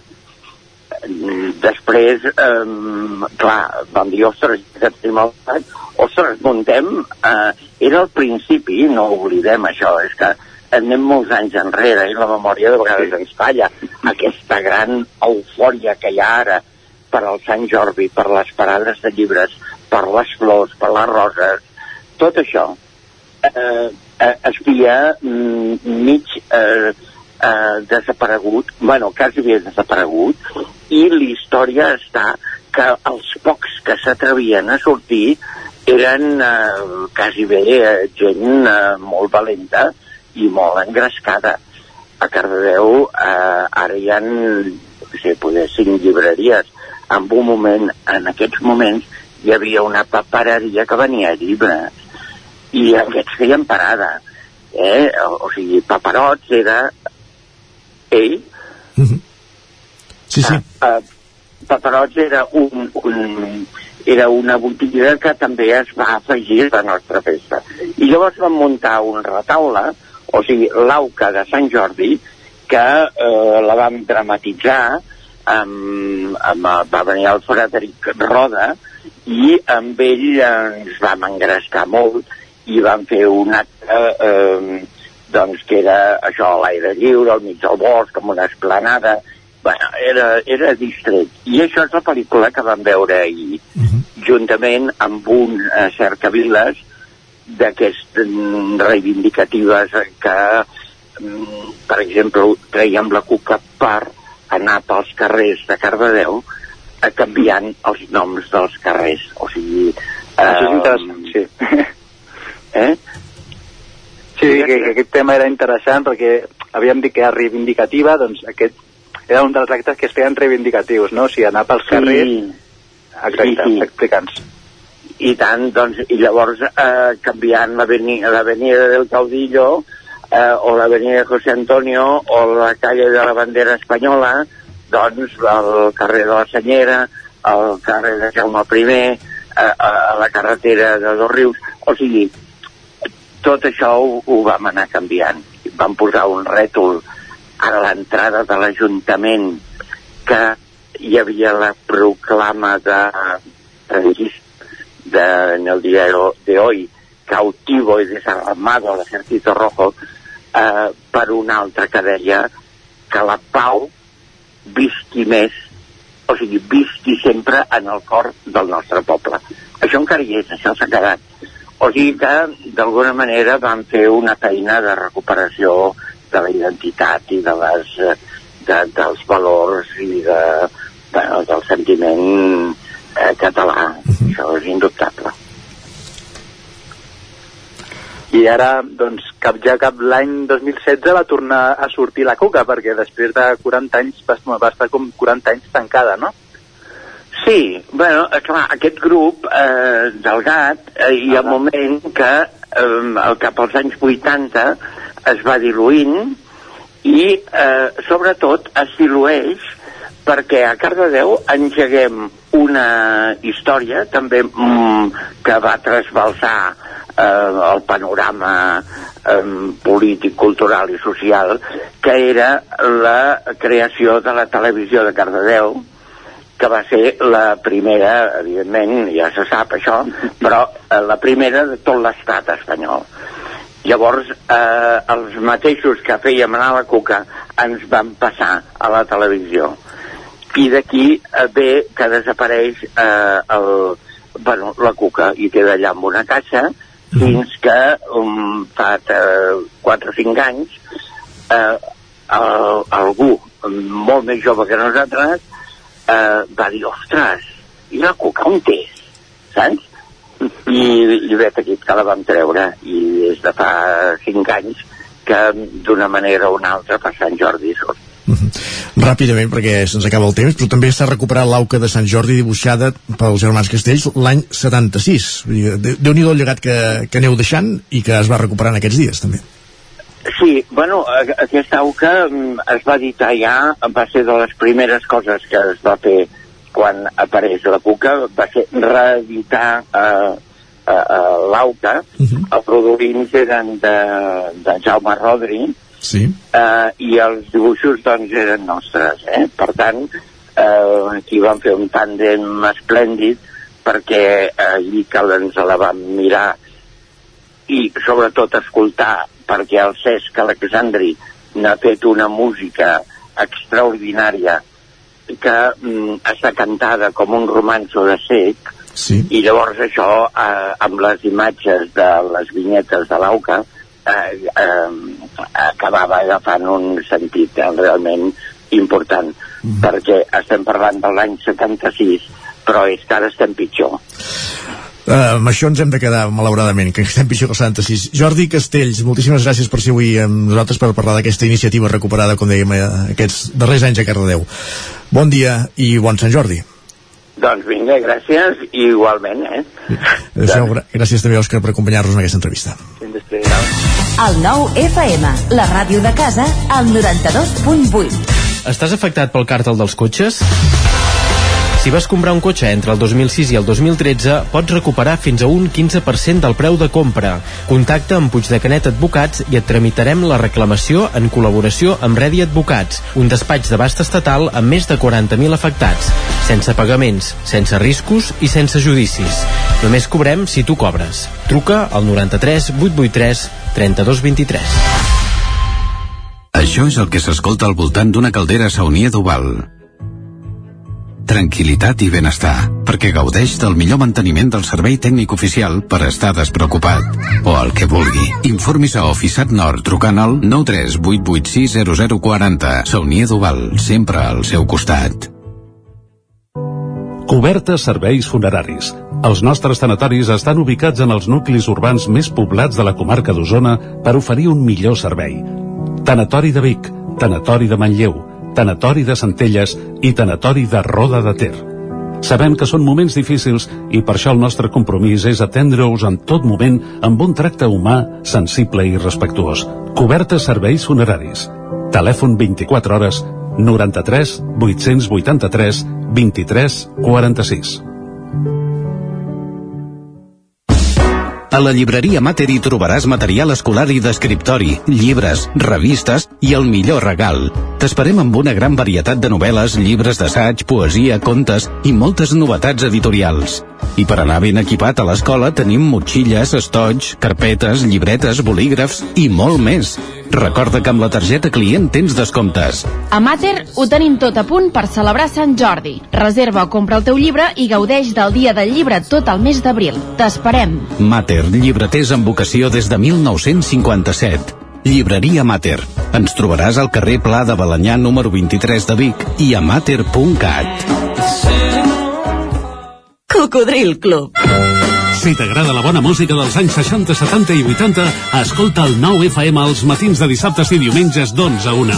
És el temps del Cocodril Club, tot un clàssic de la ràdio, amb les bases del pop-rock, les llegendes, les cançons que s'han convertit en autèntics himnes. Recorda, dissabtes i diumenges al matí, d'11 a 1, al 9 FM 92.8. Cocodril Club, el programa revival de l'Albert Malla.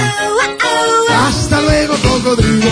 Anuncia't al 9FM. La màquina de casa. 9 3 8 8 9 4 9 4 9 Publicitat arroba al 9FM.cat. Anuncia't al 9FM. La publicitat més eficaç. El 9 FM, el 9 FM, el 9 FM, el 9 FM. En punt, dos quarts d'onze.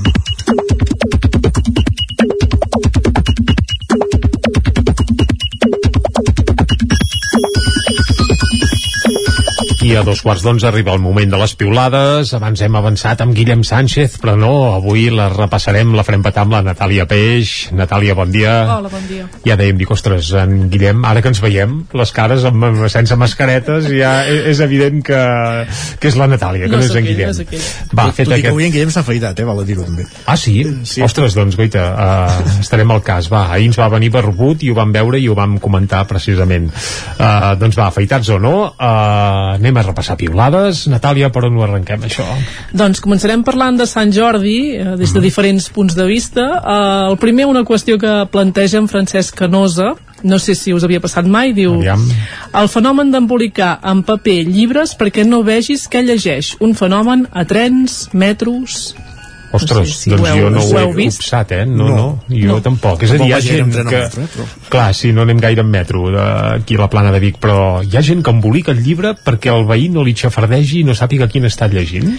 Tenim una altra aportació de la Carai. Mònica que, diguem, que demostra que no tothom ho fa, almenys per per tapar o perquè no es vegi el que està llegint. Diu, no sempre és per ocultar, sovint és per protegir el llibre. Tinc una funda de roba fosca amb aquesta funció, però quan no la tenia em dedicava a forrar en paper els llibres que llegia i encara ho faig. Sí, a l'època escolar es folraven amb, amb plàstic fix. i amb iron fix o amb, amb versions com sigui, però clar, evidentment era del tot transparent i es veia el que s'estava llegint, clar. Doncs bé, no sabem si és per tapar-los o no, però en tot cas es veu que és una, Bé, una, una pràctica un fenomen que- que, que passa. Doncs bé, aquí de moment no, però vaja, temps al temps. Jo els, Més havia, coses. jo els havia vist forrats en papers de diari. Ah, sí? sí? En paper de diari? Sí.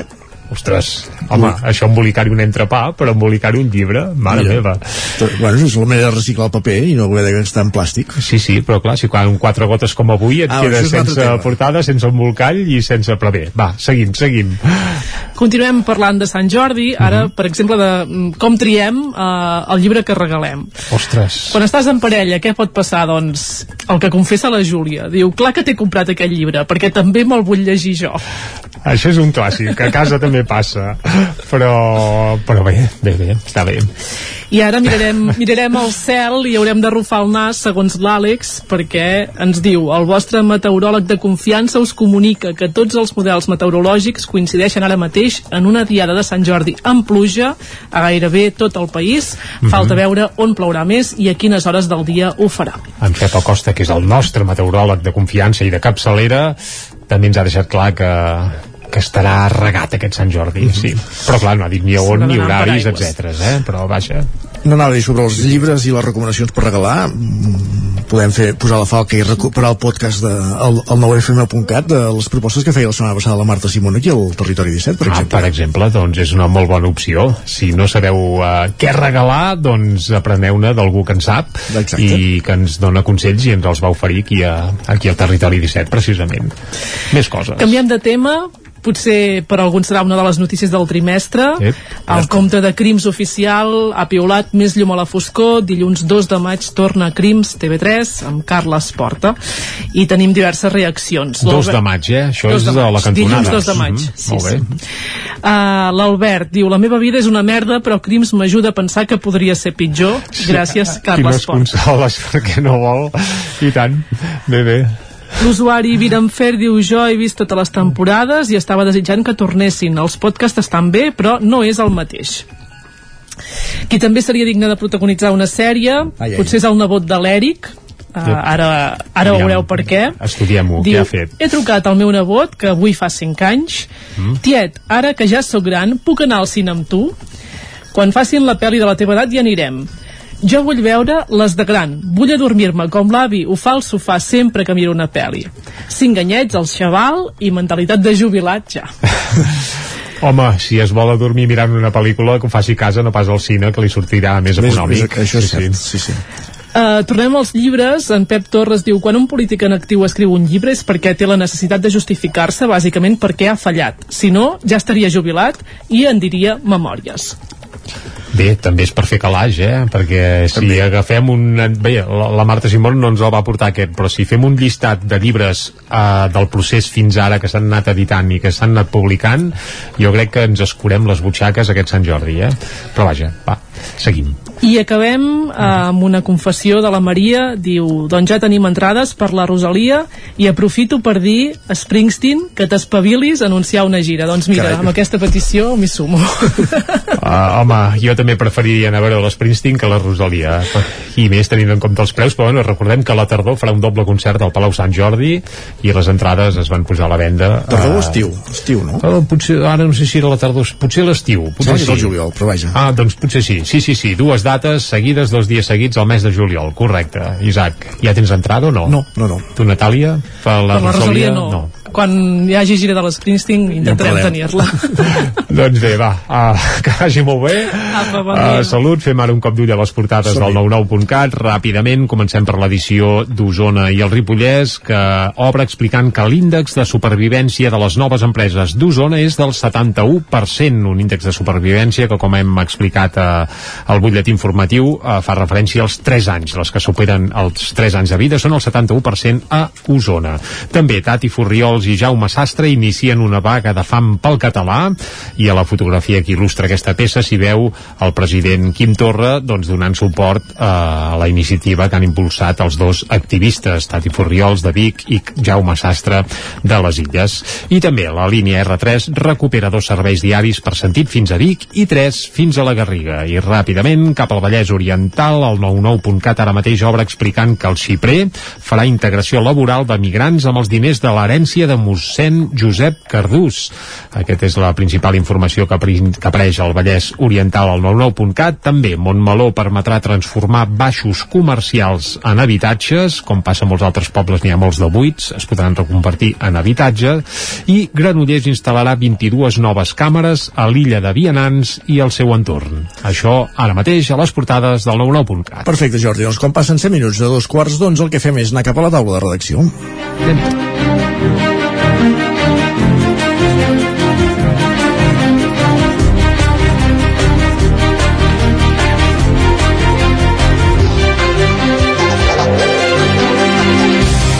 Una taula de redacció avui esportiva en companyia de l'Ester Rovira. Bon dia. Bon dia. Perquè hi ha dues dates a assenyalar. Una eh, molt contemporània, d'ahir mateix, ho explicàvem abans de les notícies, que se celebraven el sorteig de la Copa del Rei i de la Copa de la Reina d'hoquei, amb poca presència usonenca pel que fa a la competició masculina, sí que hi ha alcaldes, certament, al territori 17, però sí que amb presència usonenca a la femenina, però és que també coincideix en el temps amb el 25è aniversari de la darrera Copa dels Cers guanyada pel Club Patí Voltregà, una efemèride que se celebra aquests dies, eh? 20è, 20è, 20è sí, carai, 20è aniversari. N'he afegit 5. Sí, justament va ser ahir perquè va ser el 20 d'abril de 2002 que es va aconseguir uh, aquest títol per part del Voltregà, que posava fi a 25 anys, eh, segurament d'aquí ve que la confusió, Exacte. 25 anys de sequera de títols blanc i blaus, um, era el quart uh, títol europeu després de, de tres copes d'Europa, de, aquesta, aquesta aquesta Copa de, de les Cers i, i bàsicament va ser rellevant per diversos motius d'entrada perquè era contra el Porto perquè en aquell moment els equips que quedaven eliminats de la Lliga Europea anaven a parar a les Cers per tant hi havia de, de molta entitat eh, com és el cas del Porto que va ser el rival en aquesta, en final. aquesta final anada i tornada eh, i, que, i també perquè suposava una mica l'última oportunitat que, que hi havia d'una generació molt bona de, de jugadors de, de la casa eh, que ja havia perdut diverses finals, dues Copes del Rei i una de les Serres en els últims anys, que ja havia començat a perdre jugadors perquè l'any abans havia marxat Lluís Teixidor i aquell any marxaven, uh, marxaven uh, molts, molts d'altres, alguns es retiraven, Guillem Trabal, Sergi Panadero, exacte, uh -huh. uh, d'altres que, que es retiraven, per tant uh, era aquell dia o, o segurament uh, costaria molt que tornés a passar com ha passat, perquè de fet uh, aquell títol és l'últim de l'equip, del primer equip masculí del Voltregà. Uh, i també és l'últim títol europeu de l'hoquei masculí usonenc. Uh, perquè després sí que el, el Pativic va aconseguir Copes del Rei, una Intercontinental Supercopes d'Espanya, de, però, però títols europeus no, tot i que curiosament el Vic l'havia guanyat l'any abans, eh, el 2001, que van, van anar seguits eh, dues, dues sers usonenques.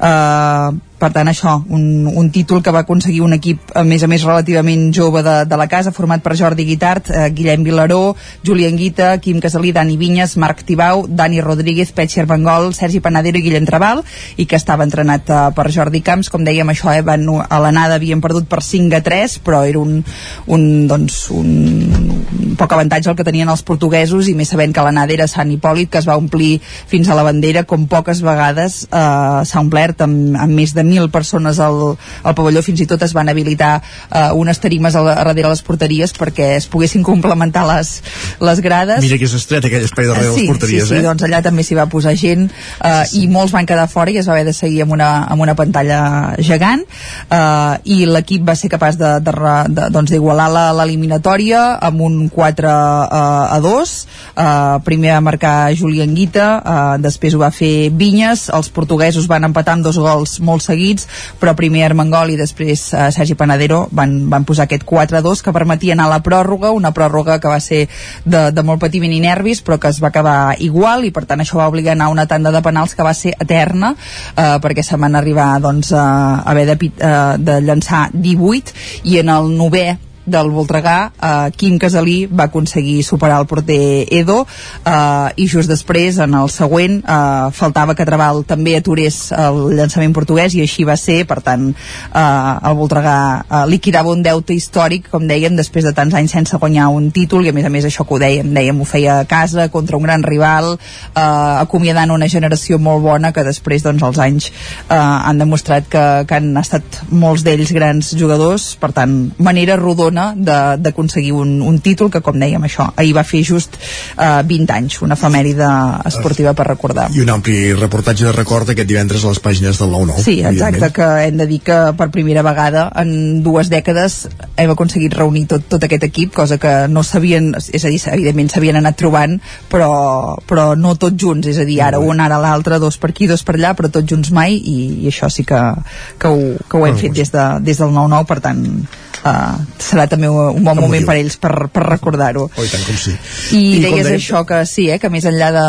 de... D'aquesta efemèride hi havia el sorteig de la Copa del quadre, dels quadres de la Copa del Rei i la Copa de la Reina. Exacte, i en clau usonenca eh, doncs dir que, que enguany només hi haurà presència en la competició femenina eh, amb el Voltregà Motor i el Martinelli a Manlleu eh, la cita com dèiem es farà del 5 al 8 del maig a, Lleida i el conjunt de Sant Hipòlit s'enfrontarà als quarts de final divendres amb el telecable de Gijón mentre que les manlleuenques jugaran també el divendres contra l'Igualada femení. En els dos casos els horaris encara estan per, per determinar.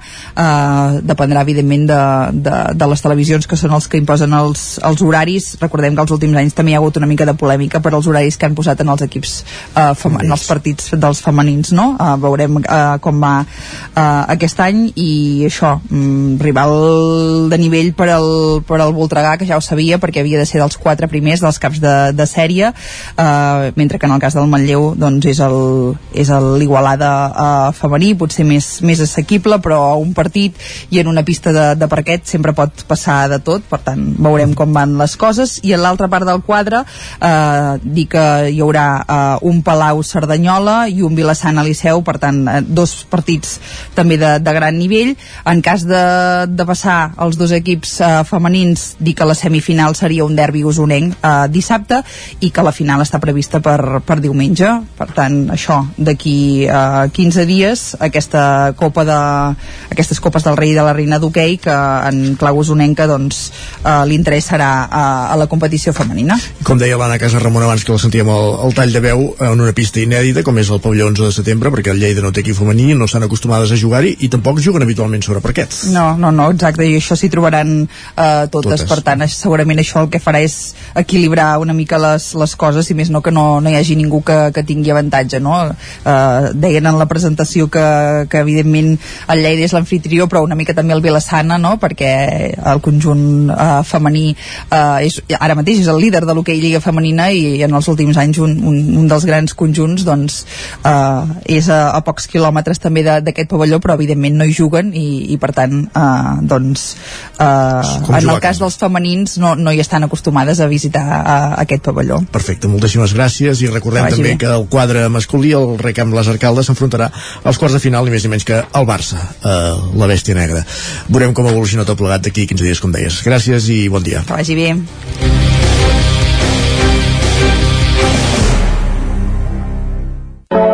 Territori 17, el 9 FM, la veu de Sant Joan, Ona Codinenca, Ràdio Cardedeu, Territori 17.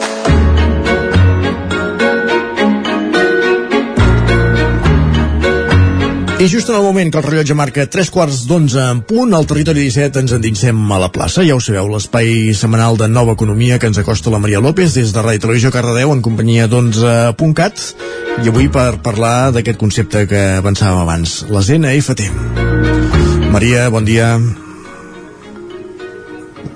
Bon dia i benvinguts un dijous més a la plaça, aquest espai compartit on intentem aterrar alguns conceptes de la nova economia per fer-los comprensibles per tothom. I una de les coses que ens encanta fer aquí a la plaça és aprendre paraules noves. I és que les companyes d'11 ens sorprenen cada setmana amb terminologia financera que anem afegint al nostre diccionari particular. I en aquesta línia avui portem un concepte d'aquells que segur que heu anat sentint a les notícies o per internet i que no sabeu molt bé si són les sigles d'una nova organització mundial d'alguna cosa o un virus que et vol atacar l'ordinador. Parlem de les NFT, un concepte que en qüestió d'uns anys segur que estarà completament a l'ordre del dia, però que de moment ens ajudarà a comprendre la Gemma Vallet, directora de màrqueting d'11.cat, que ens acompanya una setmana més. Bon dia, Gemma. Bon dia, Maria. Moltes gràcies per convidar-me avui perquè tenim un tema uh, supercandente. Eh, perquè, Super. com et comentava, és super recent, no?, tot aquest tema del, dels NFTs. Sí, sí, Comencem... deies que és, de, és, és 2022, no? A 2021, perdona, no? És de 2021, fa res, això. 2021, és, això és de no fa res quan ha començat a tenir... O sigui, no significa que tecnològicament no fos possible, eh, perquè és un, un tema que ara, quan veiem tota la definició i el concepte, és una de les coses que estava succeint, però diguem-ne aquesta, entre cometes, massificació i consolidació com a temàtica ha passat durant el 2021. Si et sembla, faig la definició per tothom. Totalment, sí. sí. Comencem per aquí i així ja anem, anem obrint fil. Super. Llavors el, el NFT, com es diu en anglès, o el NFT, com ho pronunciaríem en català, significa un token non-fungible Uh, vol dir que és una cosa, uh, és un token igual que quan parlàvem de que abans d'arribar a una criptomoneda primer es crea un token que li, un, un, diguem-ne un objecte no físic o digital que li donem un valor, eh, com que aquí diu una, una fitxa sí? Tècnicament pot contenir qualsevol cosa digital. Doncs llavors, quan parlem d'un NFT, estem parlant tant incloure dibuixos com gifs animants, com cançons, com elements de videojocs. I el que ens permet un NFT és comprar i vendre la propietat d'articles digitals. Llavors, aquest és, diguem la principal funció que té l'NFT. Està ajudant a tota la, la part artística digital a entrar en un nou col·leccionisme. No? Llavors, el que també hem de tenir molt clar que el blockchain, el blockchain és la tecnologia que ha permès uh, la creació del, dels NFTs i un NFT també és alhora és una, una forma de protegir el copyright dels artistes que treballen la seva obra digital. Perquè si no ens trobaríem que l'obra digital és, és molt sensible de ser clonada i el fet de que estigui en blockchain es permet tenir una certificació digital que protegeix, i protegeix l'obra de l'artista. Per mi aquest és, és un dels aspectes més encantadors i diguem-ne més, eh, com et diria, més rellevants de l'NFT, eh, que estan fent un punt i a part amb tot el que és el col·leccionisme d'art digital. Entrem, doncs, en el món de l'art digital. Catela, si haguéssim de fer la comparativa amb, amb l'art uh, doncs un llibre amb, un, amb l'art físic, per dir-ho d'alguna manera, no? fora del món digital, amb un quadre, que, com podríem, quin seria l'equivalent? Podríem dir en música un SGAE, per exemple, algú que intenta protegir aquesta, aquesta, diguéssim, protecció, ara no em surt la paraula, eh, però la protecció de l'autoria, la, no? de la prote protecció intel·lectual, per dir-ho d'alguna manera. O quina sí, comparativa podríem fer? El, és com quan per exemple quan compres art et donen una certificació de l'originalitat d'aquella peça d'art.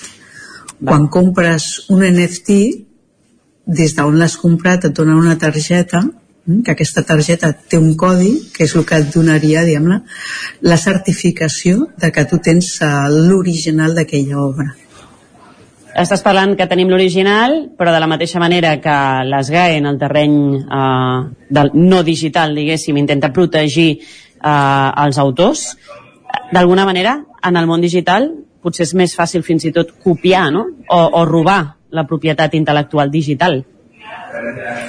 Sí, per això va, ha nascut l'NFT, eh? per protegir aquesta, aquesta obra virtual.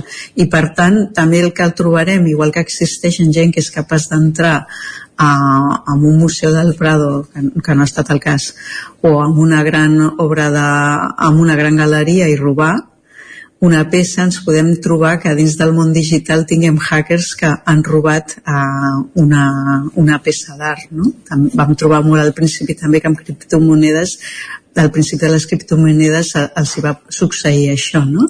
Llavors sí que podem trobar hackers, però la idea és que la blockchain el que ens està ajudant és a protegir aquestes peces digitals. Déu nhi déu I d'alguna manera eh, el fet de tenir aquesta propietat eh, suposa que només tu, entenc, pots fer servir potser doncs, a la teva web aquest contingut, no?, per exemple? Sí, és una, és una cosa, és com de col·leccionista, saps? És com si tu compressis una peça d'art, la tindries o per, per gaudir-la tu o per mostrar-la des d'algun punt de vista que vulguis, no? Llavors, és teva. A partir d'aquí pots fer el que vulguis, no? Amb la teva peça d'art i si són obres d'art digital, podríem dir que estem davant d'un nou ecosistema del mercat de l'art? Aquest és el gran punt, uh, Maria. Ens trobem com, per entendre's, igual que quan va haver-hi la disrupció digital dins del món de la música, que, el món, que la indústria de la música va ser la primera indústria que diguem va estar sotmesa en la major transformació digital, que va passar, en recorda, des d'un vinilo fins a arribar a un MP3 fins a arribar a una Spotify, no? Doncs llavors s'ha canviat tot l'ecosistema i per tant s'ha canviat tota la forma de guanyar diners dins d'aquest ecosistema, és un nou mercat. Mm? Llavors, aquí tenim tres fórmules de, tres com a mínim, tres fórmules de comprar eh, amb aquest ecosistema perquè va tot vinculat. O sigui, per una part tenim que pel principi, pel principi eh, cyberpunk amb el qual estem, que estem parlant d'NFTs, que va molt vinculat també al món de les criptos, sí? perquè és una creació d'un token que té un valor, aquí que li donem un valor, llavors per tant hi ha una part que és la, la de descentralització sí? i la desintermediatzació, és a dir, que tenim artistes que estan posant directament a la venda les seves pròpies uh, peces per, diguem-ne, estalviar-se les comissions pròpies que hi ha entre els intermediaris. No? Llavors, recentment, just fa una setmana, un, un, una peça d'art que és un gat volador eh, que és molt simbòlic bueno, que, que ha tingut uh, bastanta volada dins d'aquest món, doncs es va vendre directament des de l'artista uh, l'artista ho va vendre directament a dins de la, de la comunitat no? llavors va ser un dels diguem, els primers casos uh, emblemàtics amb, amb els quals un, directament un artista està venent aquesta, una peça. L'altra forma que podem tenir són, per exemple, a partir de galeries no? Llavors ja comencen a haver-hi galeries, de fet va haver-hi una, com t'he comentat, tot això és molt, molt recent, el 2021 va haver-hi un, de, un dels grans events d'art a Miami on ja ten, teníem 231 galeries dedicades a, a, exclusivament a la venda de les de NFTs també tenim, per exemple, les cases de subhastes, no? Llavors, la casa de subhasta també ha entrat, però perquè havia d'entrar, doncs és el cas de l'emblemàtica uh, Christie's, que, que ha d'entrar. O sigui, um, eh, diguem-ne, que fa una, una casa tan emblemàtica com, com la Christie's de, de Londres, doncs senzillament continuar amb aquesta part una mica diferent que ha anat agafant des dels darrers uh, dos últims anys, eh? des de fer uh, subhastes d'instal·lacions hipermodernes fins a vendre un, dino, un tiranosauri rex i últimament està venent eh, ja NFTs, no? Amb el cas d'aquí, no? És a dir, mm, per exemple, doncs què estem venent des, de, des del més a la vora nostra, no? Doncs aquí al, al territori doncs tenim la Casa Durant Subhastes, que recentment ha fet una, una, una subhasta d'un artista que es diu Soliman López, i també tenim dos galeries, que és la Mito Gallery i la Ar Armi. Llavors, només hi ha dues galeries eh, que estan fent això, no? I llavors, si tampoc estan anant, diguem, a grans subhastes, estan començant a vendre a partir dels 14.000, 13.000 euros, i clar, quan anem als mercats americans o als mercats de la Cristi ja estem parlant de, de peces que s'estan venent per un milió de dòlars, no? Llavors, és, és, otro, és otro mundo, no? És una cosa com molt, molt i ara està començant a fer ja aquesta bombolla famosa que és que està donant un valor real i que també s'ha d'anar molt de compte que, amb, sobre què estem comprant eh, quan entrem a, a en NFTs. Just anava a preguntar, i ara, ara ho deies una mica, no? el tema preus, perquè potser estem molt acostumats a que obres d'art, un quadre de no sé qui o, o que està no sé on, valgui una milionada però a nivell preus és equiparable o encara el que podem comprar a través de NFTs no és tan tan car com el que hi ha en el, en el món palpable, diguéssim? Tenim, molt, és molt semblant que el món de l'art, no? Llavors, quan, quan podem anar, per exemple, a, a, es diu, a esdeveniments com, com Arco, com la Bienal, et trobes art, a, peces d'arts d'artistes, diguem-ne, que comencen, no?, emergents, que poden anar des dels 10.000 euros i cada cop i volta, el, a, un any després, pugen als 200.000, estem davant d'una un, mateixa dinàmica. De cop i volta una comunitat, que és d'altres uh, llocs específics amb els quals s'està venent NFTs, que són comunitats només centrades en, en la comercialització d'art digital emergent, doncs et pots, et pots trobar que amb aquesta mateixa comunitat comença una peça que, que et surt per 1.000, 2.000 dòlars i de cop i volta t'agafa amb, com fan les seves pròpies subhastes, t'agafa una volada que arriba a, a, a, diguem amb quantitats molt més uh, alt, elevades, eh, que poden passar-te perfectament dels 10.000 als 100.000, però en qüestió de, de temps. Eh? Llavors és, és un món que, que has d'entendre. Eh? Quan entres no és, per, no és per tothom entrar als NFTs. Penses que ens estem oblidant una mica del valor dels objectes físics? Em sembla quasi impossible pensar que podem arribar a donar més valor a les coses intangibles, la veritat. Aquest és un del... Mm, aquesta pregunta m'encanta perquè és un dels temes, diguem filosòfics que, que ens hem de eh, començar tots a plantejar, no? Des del, estem entrant en, en el món digital i a mi hi ha un filòsof eh, eh, coreà, que de fet mm, és un professor de, de la Universitat de Berlín, que es diu, uh, com es pronuncia, seria Han Byung-shin, uh, i que té un llibre que és, que és de reflexió, és de filosofia, eh? llavors si t'agrada la filosofia totalment recomanat, eh? que es diu que estem en l'era dels no objectes, no? Llavors aquesta reflexió ens està fent pensar de si estem donant més valor a la, a la, als objectes digitals que als objectes físics, no? Què, què passa amb la nostra relació com a persones humanes amb el nostre entorn, no? Perquè és allò, m'entens? O sigui, la part de la territorialitat, tu tens les teves sí. coses, no? A, a casa teva, segons com, com les ubiques, tot té un, sim, un simbolisme que et dona com una autoafirmació com a persona, no? I et dona una seguretat. Llavors, què passa quan comencem amb la digitalització, no? Llavors, és una de les reflexions que té aquest moment. Jo, jo no et diria ni en els propers de, 10 mm, anys, sinó és des d'ara que ens hem de començar a fer aquestes reflexions. Eh? Què passa amb els objectes físics? Quina és la nostra relació amb els objectes digitals? Eh? Té la filosofia, filosofia de dijous al matí, eh? Sí. Escolta'm, on podem comprar NFT? Si algú després d'escoltar-nos té curiositat per veure una mica més de sobre tot això, on, on no es podria comprar? Primer, com t'he comentat abans, sobretot ens hem d'informar, eh? llavors perquè podem comprar directament amb l'artista sí? o podem entrar a comprar a comunitats especialitzades. Tenim comunitats especialitzades que són com una que es diu Super Rare, Super Rare, una que es diu Foundation.app, una altra que es diu Non-Origin, com veus quasi totes són d'origen són americanes, la majoria.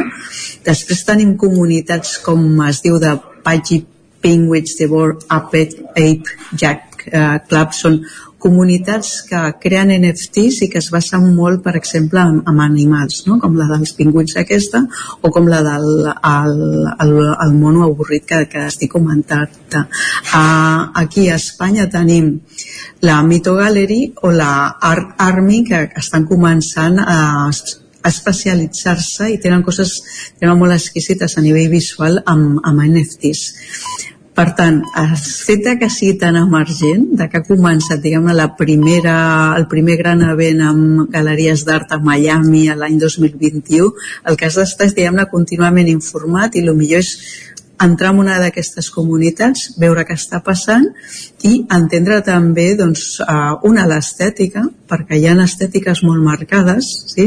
és com dir, doncs, passem d'un hiperrealisme, m'entens? O sigui, o estem parlant d'un Freud o d'un Bacon, de què estem parlant? No? o per exemple saps que s'estan venent uh, logotips de marques molt, molt conegudes i que tenen una estètica determinada no? Això t'anava a preguntar, les empreses no? El, els seus logos també d'alguna manera entren en, en, aquest, en tot aquest món també de les, dels NFTs? Sí, les empreses, les marques, com et pots imaginar, encantades d'entrar en aquest tema. Eh, perquè de cop i volta et troben eh, de la forma de tornar amb un dels matrimonis o o enamoraments que ha tingut sempre la publicitat i les marques amb l'art, no? que sempre ha contribuït a, a buscar artistes, il·lustradors famosos, pintors famosos per fer campanyes publicitàries. No? Doncs amb els NFTs tenim aquest, uh, aquest uh, coming back, no? aquest retorn amb aquest matrimoni del, de l'art i, la, i la publicitat, no? I tenim, per exemple, peces com una que ha fet recentment Gucci, que va agafar una de les seves il·lustracions, que és un fantasma, i que és una icona que, que ha format part d'una de les campanyes que, que va fer, potser ja fa dos o tres anys a Gucci, no? Doncs aquesta peça, aquest fantasma, que és un fantasmet petitó, l'ha venut a 3.900 eh, dòlars, no? I llavors també hem trobat que Gucci, recent, perdó, Gucci Burberry, uh, Burberry recentment, la, la icònica marca britànica, va vendre també amb una comunitat xinesa, perquè els xinesos estan entrant molt fortament en aquest tipus d'art, uh, i són joves, o sigui, és, és gent jove que està comprant aquest tipus d'art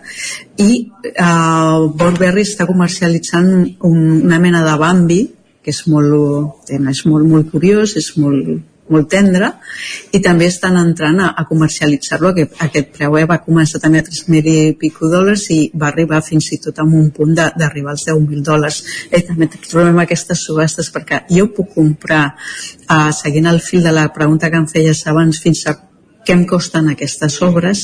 Jo puc comprar una obra a 3.900 eh, dòlars, com el cas del, del fantasma aquest de Gucci, i després la puc revendre d'acord? Llavors és el que estem provant, és de, també de, del moment que la persona que té aquella peça entén com està funcionant el mercat a dins d'aquella comunitat i de cop i volta la posa a la venda i doncs la revèn, no? I al final també acaba fent negoci. Gemma, uh, moltíssimes gràcies per il·luminar-nos amb uh, tot aquest tema de les NFTs tan, tan interessant i tan desconegut per moltíssima gent que suposo que avui també s'haurà quedat amb, amb una mica més d'idea de, de què estem parlant i ara quan ho sentin ja diran ah, i això ja, ja sé de què va. Gemma, ens veiem dijous que ve, però de què parlarem a la plaça? De metalls. Parlarem de metalls, metalls preciosos. Cada dia em sorprens més, t'ho juro. És molt, és molt gràcies. interessant, ja veuràs. Moltíssimes gràcies, Gemma. Ens veiem Gràcies, dijous, Maria. novament aquí a la plaça. Torno un relleu als companys cap a Vic per seguir amb el territori 17 d'avui i ens veiem eh, dimarts abans amb el racó de pensar. Gràcies i bon dia. Vinga, moltes gràcies, Maria, molt bon dia. Isaac, nosaltres ara anem cap al butlletí de les 11, quan passen 4 minutets, això, de les 11 en punt del matí, aquí a Territori 17. Territori 17, amb Isaac Moreno i Jordi Sunyer.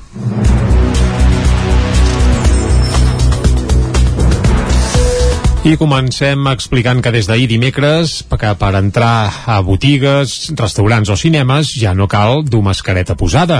Durant les primeres hores d'aquesta mesura, que arriba en un context d'estabilitat de la Covid, s'han pogut veure imatges de tot, gent que no la portava en interiors, d'establiments comercials i d'altres que se l'han volgut treure. Això sí, cal recordar que hi ha algunes excepcions. La rutina no ha canviat pels treballadors i clients de la farmàcia Vilaplana de Vic. Cal dur encara la mascareta a l'interior, tal com marca la normativa, ja que establiments com el seu pertanyen al col·lectiu de centres sanitaris. És una de les poques excepcions on encara és obligatori dur aquest element de protecció a l'interior. També s'ha de portar dins dels autobusos, trens i metros i també l'han de dur els treballadors i visitants d'hospitals i centres sociosanitaris. Ho recorda Josep Vilaplana, titular de la farmàcia Vilaplana de Vic. ens vindria de gust treure'ns-la a tots, per descomptat, però en qüestió laboral nosaltres la seguirem portant mentre el Departament de Salut no digui el contrari. No deixem de ser un establiment obert al públic, si tu vols una botiga entre cometes, en quant a relació directa entre usuari, client i professional sanitari que la- que l'atén, però, és clar, l'usuari ha d'entendre que sempre la farmàcia acaba sent un punt de trobada de gent que pot tenir patologies, dolències. Aleshores, extremar la precaució, en temes de salut, ser sempre està bé, sempre és bo. Aquesta prudència també la mantenien alguns dependents i clients de comerços de Vic en les primeres hores sense mascareta obligatòria en espais interiors. La retirada de la mascareta havia d'arribar algun dia o altre, però serà qüestió de temps que tothom s'hi acostumi. Escoltem en aquest sentit i per aquest ordre Jordi Buixeda, dependent d'un estanc, i Francesc Rovira, gerent d'Intersport, Intersport Everest de Vic. està bé que cada cop deixin més llibertat, a la gent encara es té d'anar acostumant, nosaltres personalment encara, encara l'anirem portant perquè hi ha gent que encara eh, veure la persona que despatxa eh, sense mascareta encara li fa una mica de cosa i nosaltres encara la seguirem portant però bueno, a poc a poc es anirà, es anirà adaptant tothom i, i a poc a poc ens l'anirem traient és una mesura que havia d'arribar tard o d'hora que està bé que sigui així crec jo, perquè si no no, no aniríem avançant tot i així sempre continuarem anant amb una certa mesura, amb una certa cura i vigilarem amb posar-nos de tant en tant la mascareta segons els moments d'afluència que hi puguin haver a la botiga. Tot i que ja no sigui obligatòria dur la mascareta, a la majoria d'espais interiors es recomana seguir-la utilitzant quan hi pugui haver aglomeracions, quan no es pugui respectar la distància social o si es tenen símptomes de Covid o alguna altra afectació respiratòria. L'Institut Català de la Salut té sobre la taula la possibilitat de fer un cap nou que substitueixi l'edifi- l'edifici de l'ambulatori de la plaça Divina Pastora de Vic. L'alternativa passaria per una reforma integral de l'equipament actual, on a més del centre d'atenció primària també hi ha d'altres serveis. L'Institut Català de la Salut està estudiant l'opció de construir un nou centre d'atenció primària a Vic que substitueixi l'ambulatori de la plaça Divina Pastora. És una possibilitat que hi ha sobre la taula, com també la d'una reforma integral de l'edifici actual per resoldre'n les mancances. La gerent de l'ICS a la Catalunya Central, Anna Forcada, considera que d'aquí a 4 o 5 anys s'hauria de poder disposar d'un equipament en condicions. L'escoltem. És un centre que té ja mancances estructurals i també d'espai i necessita segurament una reforma, una rehabilitació o potser un cap nou. Després de les reformes dels centres d'atenció primària de Callatenes i Tona, el projecte que està més avançat a Osona és ara el de l'ampliació del CAP de Torelló. En el cas de Manlleu, on l'Ajuntament ja ha cedit un espai per un edifici de nova construcció, el Parc Torrent Magí, hi ha una necessitat d'espai més urgent. Per això és probable que s'instal·li una estructura modular que es pugui utilitzar fins a que el nou CAP no estigui enllestit. Pel que fa a la sortida de la sisena onada de la pandèmia, la situació als centres d'atenció primària de la comarca és de progressiva normalització, després de dos anys marcats pels pics de Covid-19. Anna Forcada.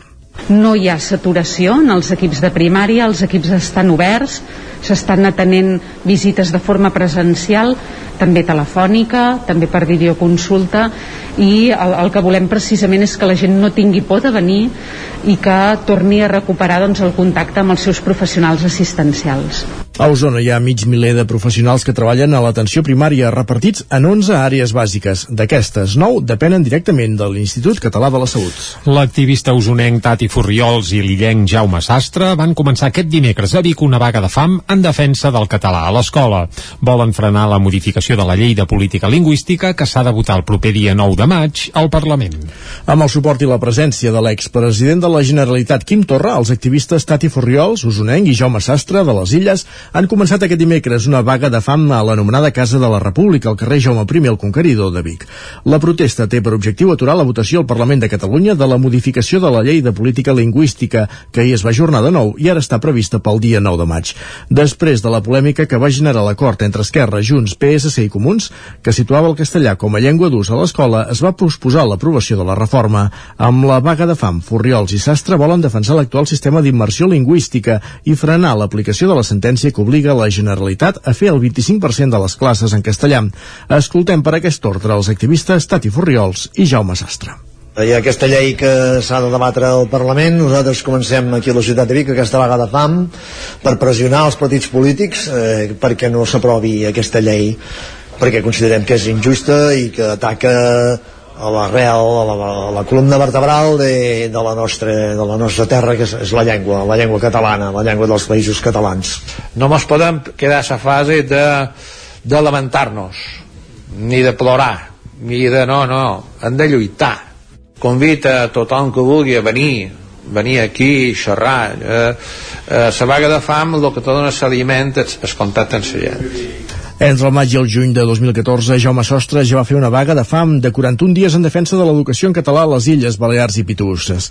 Furriols també havia fet de junis l'any 2018 per l'empresonament i l'exili dels líders independentistes catalans. I anem ara cap al Ripollès, i és que la policia local va aturar un home que gairebé quadriplicava la taxa d'alcoholèmia permesa a Ripoll, i els bombers també van rescatar una excursionista perduda a Gombrèn durant la Setmana Santa. De tot aquest reguitzell de successos ens en fa balanç l'Isaac Muntades des de la veu de Sant Joan. La utilitat de la patrulla de la unitat canina de la policia local de Ripoll es va tornar a posar de manifest el passat dissabte, ja que es van aixecar dues actes administratives per comís de substàncies estupefaents. Cal recordar que la policia ja havia utilitzat la unitat canina a mitjans de febrer d'enguany, coincidint amb la reobertura de l'oci nocturn. En aquella ocasió es va posar una sanció governativa per la tinença de marihuana. En el control de cotxes que també van fer es va administrar una prova d'alcoholèmia penal per conduir amb una taxa d'alcohol en aire aspirat de 0,92 mil·lilitres en sang per litre. La pàgina de successos d'aquesta Setmana Santa es va tancar el dilluns de Pasqua a Gombrèn, on el grup d'actuacions especials dels bombers de la Generalitat de Catalunya van rescatar i evacuar una excursionista perduda i que s'havia fet mal al peu. Els fets van passar pocs minuts abans de dos quarts de quatre de la tarda i se la va localitzar a prop de l'ermita de Montgrony. I del Ripollès anem cap al Vallès Oriental i és que el xiprer de Granollers bufa les espelmes dels 25 anys de vida. Per commemorar l'aniversari s'ha iniciat una cadena per compartir 25 xiprers i dur a terme accions solidàries un cop es rebin. Núria Lázaro, de Ràdio Televisió de Cardedeu. La utilitat de la, la utilitat de la... Mercè Riera, fundadora, amb Xavier Quinconces i ànima del Xipre, ha bufat aquest dimecres al vespre les espelmes dels 25 anys de la creació d'aquesta iniciativa social que des de 1997 acull i dona suport a persones que passen per dificultats des de la casa situada al carrer Josep Humbert a Granollers. L'acte es va fer a la Porxada i va plegar unes 150 persones i va incloure el repartiment de 25 xiprers a diverses persones persones com joves que fan 25 anys aquest 2022, voluntaris històrics de l'entitat o els alcaldes de Granollers, Alba Bernusell, les franqueses, Francesc Colomer i la Roca Albert Gil, que van assistir a l'acte. La idea és que aquests 25 xifres durant tot l'any vagin passant de mà en mà la persona que el rebi haurà de fer una acció solidària de qualsevol tipus en 10 dies i després passar l'arbre a un conegut. La idea és generar una cadena de solidaritat que s'escampi arreu. Les persones hauran d'escriure el seu nom a una targeta i també podran compartir la iniciativa a les xarxes socials. Esports. El rec amb làser de Caldes d'hoquei patins tindrà el Barça com a rival als quarts de final de la Copa del Rei. El conjunt arlequinat afrontarà el torneig el dijous, dia 5 de maig, a Lleida. Caral Campàs, des d'Ona Codinenca. Alcaldes va conèixer ahir el rival als quarts de final de la Copa del Rei. El Barça serà el primer equip a batre en la competició que es disputarà al pavelló 11 de setembre de Lleida entre els dies 5 i 8 de maig. Sentim Eduard Candami, tècnic d'alcaldes. L'objectiu és una mica seguir la línia d'aquesta temporada amb els dos enfrontaments que hem tingut amb el Barça, que han sigut dos partits que al Barça li ha costat molt de, de jugar. I l'últim antecedent que tenim de Copa del Rei és una semifinal a Reus que, que vam quedar 2-1 no? i vam portar el Barça fins al límit. Els últims partits disputats pel Caldes han sigut a la Golden Cup contra dos equips de molt nivell, el Porto i el Benfica. Mm. Vam fer una bona prova de foc aquesta Golden Cup doncs, jugant amb equips com l'Oporto i com el Benfica, d'un nivell semblant, l'Oporto el vam portar més al límit, el Benfica se'ns va escapar abans, bueno, ha de ser la línia a seguir i aquí nosaltres hem d'intentar doncs, fer mal al Barça. No? És una mica el plantejament que tenim. En cas de classificar-se, l'equip disputaria la semifinal el dissabte 7 contra el vencedor de l'eliminatòria entre el Noia Freixenet i el Pas del Coll. Recordem que ahir també es va sortejar no només l'hoquei la Copa del Rei, la, vaja, la fase final de la Copa del Rei masculina, sinó també la Copa del Rei femenina i que en aquest sentit hi competeixen el Manlleu i el Voltregà. Les manlleuenques s'enfrontaran als quarts de final amb l'Igualada i estan a la mateixa banda del quadre que les blanquiblaves que debutaran enfrontant-se al Telecable Gijón. Els dos conjunts jugaran el primer partit divendres 5 de maig, un dia després que el Recamp Les Arcaldes, que s'estrenarà, com ha dit abans la Caral, el dia 5 de maig, el dijous. I es podrien trobar el Manlleu i el Botregà en unes hipotètiques semifinals en cas que tots dos conjunts eh, guanyessin els quarts. Els altres dos enfrontaments de quarts de final els disputaran el Palau contra el Cerdanyola i el Vilassana amb el Liceu eh, de la Corunya. Escoltem ara Anna Casa Ramona, jugadora del Martinelli a Manlleu, i a Uchue Otegui, portera del Voltregà, valorant el sorteig. Sabem que, que, que ser cap de sèrie eh, et dona cert poder fins a un punt, perquè s'han vist sempre moltes sorpreses, no té per què sempre guanyar el que va a cap de sèrie, a un partit poden passar moltes coses, és a una, a una pista doncs, que no estem acostumades a jugar ni, ni nosaltres ni, ni l'Igualada, i, i, veurem, i veurem què passarà. Ja sabíem que ens anava a tocar un equip difícil contra el que jugar, perquè al final juguem contra els quatre primers de la Lliga i res, intentarem donar tot el que puguem i intentar donar la sorpresa. La Copa del Rei i de la Reina d'hoquei patins es disputarà del 5 al 8 de maig al pavelló 11 de setembre de Lleida.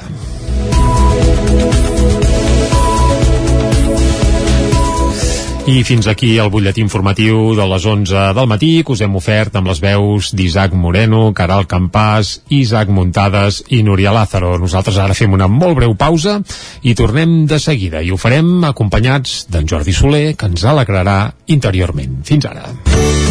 Territori 17. Envia'ns les teves notes de veu per WhatsApp al 646 079 023. 646 079 023. WhatsApp Territori 17.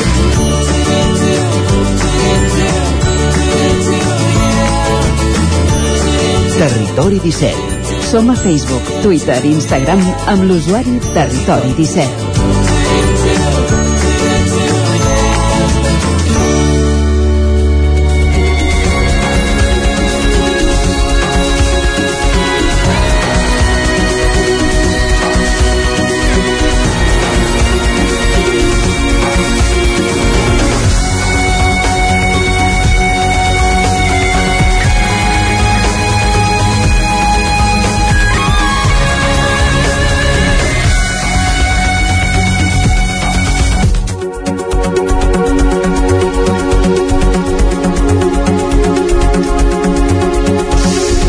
Passen dos, dos minuts d'un quart de 12 del matí, seguim en directe aquí a Territori 17 i de seguida aquí saludarem, és en Jordi Soler, que cada 15 dies ens ve a fer una sessió de PNL i ens alegra interiorment aquí a Territori 17. De seguida el saludem.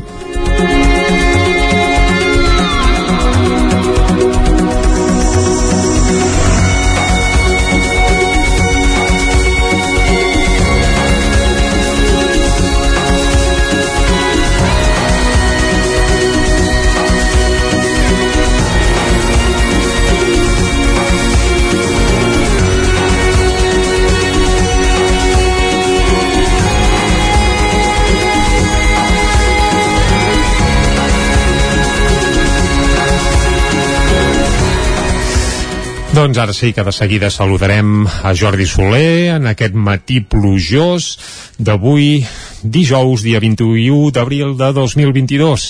Amb Jordi Soler, cada 15 dies ens ve a fer una visita aquí a Territori 17 i ens alegra interiorment i el saludem de seguida en Jordi Jordi, molt bon dia molt bon dia baixem una mica esperitats avui, eh? Baixem a última hora a parlar de l'inconscient a parlar de, en aquest cas de metàfores metàfores el llenguatge de l'inconscient hem parlat moltes vegades de que és un llenguatge simbòlic mm -hmm. la metàfora és un recurs eh, molt útil eh? llavors descobrir una mica una situació important el nostre propòsit de vida, per exemple no? Dir, aquí sí que... Uh, que ambiciós, sona. Sí, s'estableix un diàleg profund, eh? un nivell profund cap a l'inconscient, cal fer una escolta molt fina i la metàfora és el llenguatge. Mm -hmm. És la forma com rebem la resposta. Eh? Una persona que tingui una inquietud, una situació que el preocupi, no ho hem donat, vulgui fer un treball, i aquest treball ho vulgui fer això, a un nivell de l'inconscient eh? recordem, aquesta temporada estem una mica incidint amb aquest accés, amb aquest diàleg amb la nostra part més oculta, més íntima eh? més essencial, que és el nostre inconscient la forma de fer-ho a través del símbol a través de d'aquest llenguatge metafòric eh? requereix això, no? vull dir, silenci, escolta llavors, dir, em marco un propòsit, tinc una inquietud vull eh, m'agradaria obtenir una resposta abans parlàvem d'això, eh, del propòsit de vida pot ser un exemple una de les maneres, un dels mètodes uh -huh. és fer un, un recorregut per als nivells neurològics els nivells neurològics, hem parlat en altres programes és una eina de, de la programació neurolingüística per estudiar-nos una mica per fases des de la part, diguéssim, del context en el que estem, on som, amb qui estem, fins a la part més alta, que és uh, més enllà de nosaltres. Aquest recorregut, comencem dient, el, el meu propòsit de vida, no? Vull dir, m'agradaria saber una mica cap on haig d'anar, què estic fent, quin sentit té, qui sóc jo amb tot això, no? Quan dic qui sóc jo, amb quin paper jugo, aquí estem treballant al nivell de la identitat i on ens revela aquesta metàfora ens revela aquest símbol mm -hmm. doncs si comencem per baix podem fer-ho pas a pas, eh? és un treball, eh? Vull dir, un treball que fins i tot podem mostrar al terra el, les diferents fases, no? el nivell de, del lloc, de l'entorn, la conducta, el que estem fent, no? Vull dir, on ho estic fent, en qui ho estic fent, però també què estic fent jo en aquesta vida, quin és el meu camí, no? Vull dir, que, quines són les meves accions, que és el que predomina, el que m'ocupa més temps, el que em crida més l'atenció, què és, quines capacitats tinc jo perquè això continuï anant endavant no? Vull dir, què estic fent jo en aquesta vida quines capacitats tinc jo perquè això doncs prosperi, no? evolucioni quines són les meves creences en cada un d'aquests passos que s'han començat amb l'entorn és on, amb qui la conducta és el què les capacitats és el com com faig jo en aquest mm. camí com faig jo eh? el meu propòsit de vida és, és el nostre nostre destí, eh? és el, el final del, del sí, recorregut. L'objectiu final, diguem l'horitzó, l'horitzó on hauríem de tensar-nos com, comencem, comencem per baix, eh? amb aquests tres punts que hem, que hem dit, les capacitats, les creences, no? el per què faig el que faig, el per què em moc, el per què estic on estic, seguim amb els valors, eh? a nivell neurològic, els valors, el per a què faig el que estic fent, no? quin sentit té, tot això que jo vull desenvolupar, que anem definint una mica, eh? anem preparant el terreny, els valors. I dels valors ja passem a la identitat. La identitat és el qui sóc jo amb tot això, quin paper hi jugo, eh? Mm, com em veig a mi mateix. Aquí és un punt on hem de, hem de fer una parada, hem de fer una escolta i hem de d'alguna forma facilitar aquest diàleg amb el nostre inconscient i aquí és un treball maco, eh? és un treball molt fi però que ens permet l'arribada d'un símbol pot ser una imatge, un personatge una paraula, una sensació un color, no?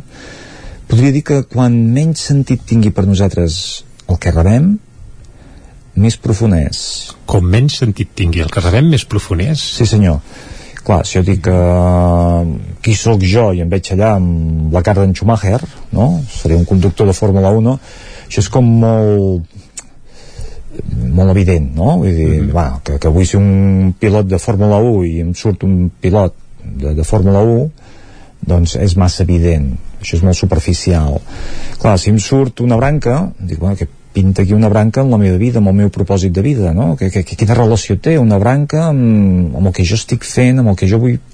Home, potser metafòricament sí que ens vol dir coses i aquí és on hauríem d'anar a parar, oi? Correcte, sí senyor. Mm -hmm. Per tant, una cosa a vegades ínfima, petita, insignificant, no? Eh, ostres, pot tenir un sentit molt, molt profund i aquí mm -hmm. la metàfora és allà on agafa la seva força. Doncs, clar, hem d'estar molt oberts, perquè si posem la ment, la ment fàcilment ens posi molts paranys eh? i fàcilment ens digui no, no, home, no, tu no pots ser una branca tu no pots ser un tal, dir, tu, tu ets un, sé, un, un mestre no? un guia, una persona il·luminada no? Agrada, eh, ens agrada una vegades eh, posar-nos formes així una mica majestuoses o una mica mm, maques no? eh, clar, aquí és la ment la que ens enganya, la que ens diu el que ens agradaria ser, el que nosaltres pretenem o el que nosaltres voldríem però tot això és ment, no ens serveix el llenguatge amb l'inconscient jo sempre hi poso la frase de dir deixa que arribi. No hi posis expectativa no hi posis ment, no hi posis propòsit no, no hi posis forma, deixa't que arribi simplement, doncs el que arriba moltes vegades ho filtrem i despreciem tot allò que no ens agrada o no ens interessa. Mm -hmm. no, si m'arriba una branca, dic, aquí quin sentit té una branca fora? Això no serveix. Això és una interferència, no?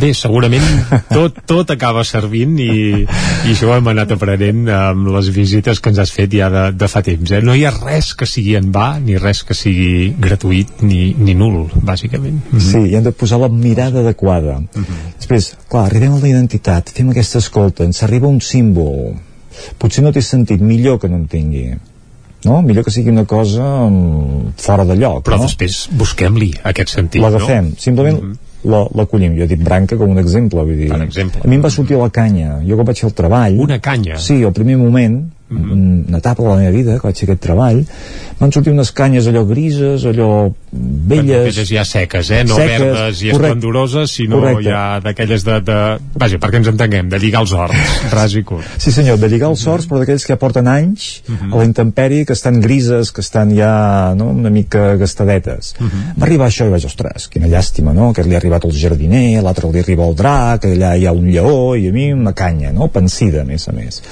però clar, aquesta canya vaig seguir el recorregut, vaig seguir el camí eh, més enllà de la identitat i el transpersonal, eh? més enllà de mi que hi ha no? que com em veig a mi fora de mi amb aquesta mirada universal doncs allà ja vaig veure un univers amb tot de canyes i aquestes canyes es van convertir en canyes de bambú i aquest bambú doncs, va començar a fer-se més ferm va començar a brillar, vull dir, fer el recorregut a la inversa, uh mhm. -huh. això es va anar, va anar agafant forma. Doncs aquesta metàfora per mi, al final de tot el recorregut, de tot el treball, vaig veure, vaig entendre no? el bambú per mi és molt important és molt simbòlic, és molt representatiu no? una canya de bambú eh, té tota una història, l'explicarem eh, un altre dia vull dir que gràcies a un treball d'aquests pots fer un inici d'una descoberta eh, de quelcom important com és el propòsit de vida déu nhi Jordi, moltes gràcies per visitar-nos una vegada més aquí a Territori 17 t'esperem d'aquí 15 dies per continuar aprofundint en tota aquesta temàtica i tot aquest món. A veure si heu trobat la vostra metàfora. Aviam, uh, ho procurarem, va. Jordi, moltes gràcies. A vosaltres. Nosaltres ara fem una pausa, Territori 17 tornem a dos quarts en punt, fins ara. Territori 17 el 9 FM, la ràdio de casa, al 92.8. El racó de León ja és primavera. Gaudeix de la nostra terrassa. Vine a tastar les xuletilles de l'Echal a la brasa amb una bona amanida o el xuletón de vedella gallega. No et pots perdre el nostre lechado de Castilla al forn o el cochinillo a l'estil de Segovia. Tot acompanyat del millor celler, al menjador o fora la terrassa. Descobreix la millor cuina de Lleó sense moure't de casa. Vine amb la família, els amics, la parella o sol. T'encantarà. El racó de León, cuina tradicional lleonesa i de mercat. Som al carrer Torelló número 35 de Vic. Per reserves, telèfon 93 889 1950. El racó de León, una cuina diferent. La Clínica Dental Sant Fortià hi trobareu un equip professional que treballa de manera coordinada per oferir un tracte sensible i humà. Estem preparats per qualsevol urgència dental i oferim accions preventives per la tercera edat i els infants. El doctor Ramon Garcia, implantòleg de Barcelona, fa 10 anys que visita Torelló. Clínica Dental Sant Fortià. Ens trobareu a la plaça Sant Fortià número 9 de Torelló al 93 859 6408 i al 690 92 51 99. Arriba la primavera i tornen les samarretes. A Gràfic Cert tenim una extensa varietat de samarretes per vestir el teu personal, promocionar la teva empresa, club esportiu, associació... Si estàs organitzant un esdeveniment esportiu o una festa cultural, una samarreta és una bona opció per lluir la teva marca. Ja ho saps, si el que necessites per la teva promoció és una samarreta, Gràfic Cert és el teu proveïdor. I ara també tenim a la teva disposició samarretes 100% reciclades tant de cotó com de polièster. No esperis més i truca'ns al 93 886 12 15 o visita'ns a graficcert.com. Si tens pensat canviar la caldera o posar aire condicionat, posa't en mans de Pradell. Tenen les millors ofertes. Pradell instal·la calderes de biomassa, calderes de condensació, aire condicionat tant per a particulars com per a empreses. Apunta, Pradell, Avinguda Països Catalans, número 27 de Vic. Telèfon 93 885 11 97. Repetim, 93 885 11 97. Cocodril Club. Si t'agrada la bona música dels anys 60, 70 i 80, escolta el 9 FM als matins de dissabtes i diumenges d'11 a 1. És el temps del Cocodril Club, tot un clàssic de la ràdio, amb les bases del pop-rock, les llegendes, les cançons que s'han convertit en autèntics himnes. Recorda, dissabtes i diumenges al matí, d'11 a 1, al 9 FM 92.8. Cocodril Club, el programa revival de l'Albert Malla. Hasta luego, cocodrilo. El 9 FM, la ràdio de casa, al 92.8.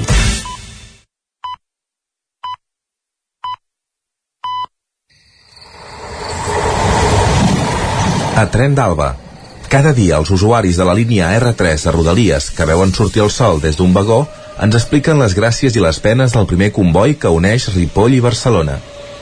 Benvinguts a Tren d'Alba. Doncs avui us porto una bona notícia, que no sol ser el més habitual en aquesta secció, i és que Renfe a partir d'aquest dissabte i almenys fins al mes de febrer de l'any vinent ampliarà el nombre de trens que circularan per la línia R3. Segons concretava el secretari general d'Infraestructures del Ministeri de Transports, Mobilitat i Agenda Urbana, Xavier Flores, hi haurà tres serveis diaris més per sentit fins a la Garriga i dos fins a Vic. Els tres convois que arribaran a l'estació Vallesana començaran i finalitzaran el seu trajecte a l'estació de les Franqueses per les obres vinculades al desdoblament les quals mantenen tancada la via morta de l'estació de la Garriga. Sortosament, els usuaris que hagin de moure's entre aquestes dues parades disposaran d'un servei alternatiu per carretera amb autobús. Demà us n'explicaré la resta, però ara és el torn de la crònica d'en Carles Bassaganya. Bon dia i bona hora des del tren bala a més avui novament amb un d'aquests dies plujosos i de fet la meva reflexió va una mica per aquí a la gran comoditat que representa viatjar i entrar a Barcelona, en el nostre cas des del Ripollès fins, fins a entrar a Barcelona a primera hora del matí,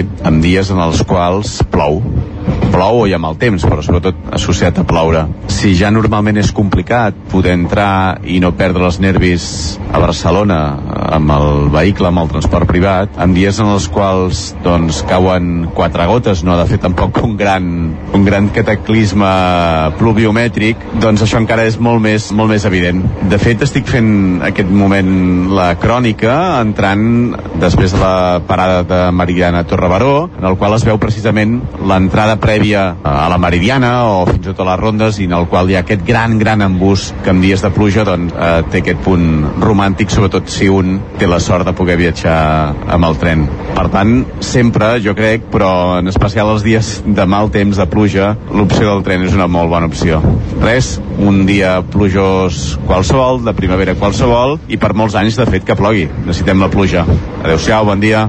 S'ha de dir que després d'una setmana santa amb un temps tan magnífic havien de tornar a les aigües mil de l'abril. Esperem que per la diada de Sant Jordi el temps en respecti una mica més, tot i que sembla que la jornada també serà inestable. I com bé dius, pobres dels quals hagin d'entrar a Barcelona amb cotxe aquests dies tan plujosos. Perquè si normalment ja hi ha cues, les retencions empitjoren quan plou, perquè els cotxes van més a poc a poc i també hi ha més incidents que provoquen que la circulació sigui un caos. I si això li sumes al túnel de les Glòries, doncs ja és l'estocada final. Va, ens retrobem demà amb més històries del tren i de la R3. Doncs vinga, i tant de bo puguin ser positives com la que ens heu contat avui, Isaac, ja ho havíem avançat abans, hi haurà més trens a la R3, almenys fins l'any 2023. Amb aquesta bona nova el que hem de fer ara és anar cap al cinema.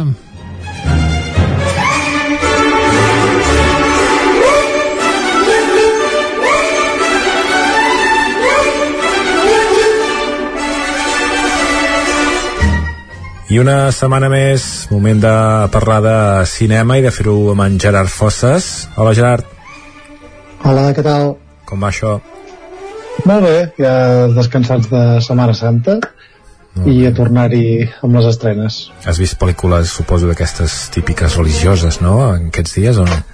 Uh, pues mira, volia veure un altre cop la, la Passió de Cristo, aquesta del, del Mel Gibson, passa que al final no, no he trobat el moment de fer-ho, però m'ha fet gràcia recuperar-la. No és una broma, eh? No, no, no, no. Ah. en sèrio, em sembla obra mestra aquella pel·lícula. No, no, ja, ja, ja m'ho Vaja, no, és que m'ho pensi perquè no l'he vista, però vull dir que ja, ja m'ho puc esperar, però no sabia si feies conya o no. Però... No, no, no. No, no, de fet ho vaig pensar de veritat. El que no em sembla mirar són els peplums aquests de, de Ben-Hur i el Samson i aquestes coses, això sí que no. Ah, però mira que ah. són guais, eh? Jo l'època quan era, recordo quan era sí. petit i poder encara no tenia edat per, per marxar amb els amics i això, que un cop a casa queien i, i flipava, eh? En aquella època on es devien fer devia ser... Home, Home, era, era bastant espectacular i a més anaven tots amb minifalda i tot això, sobretot els italians, em prefereixo ja no tant les produccions així més potents americanes però mm. els italians són tot un mundillo realment Molt bé. Bé, en tot cas deixem la Setmana Santa enrere i parlem de les estrenes d'aquesta setmana no sé si no, no, encara he tingut temps de veure els trailers sencers però així com una mica fosc tot plegat Uh, sí, bueno, una és una comèdia. Um, la, les altres sí que són més, uh, més fosques. Uh, però si et sembla anem per la primera, que crec que és una de les grans estrenes del primer terç d'any. I és una pel·lícula que, que arriba amb, diguem, amb, amb, amb molta promesa pel, pel director que, que és uh, i alhora perquè ja ha tingut una estrena internacional la setmana passada i ha fet una taquilla baixíssima però bueno, veurem com funciona a Espanya la pel·lícula es titula El hombre del norte Ahora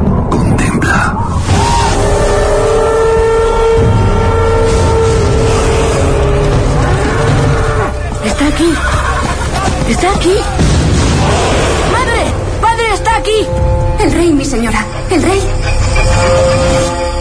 Tu destino está escrito y no puedes escapar a él. ¿Cuánto te he echado de menos, hijo mío? Un día este reino será tuyo. Gracias, padre. Mi rei. Reben uns gossos i no sé què passa.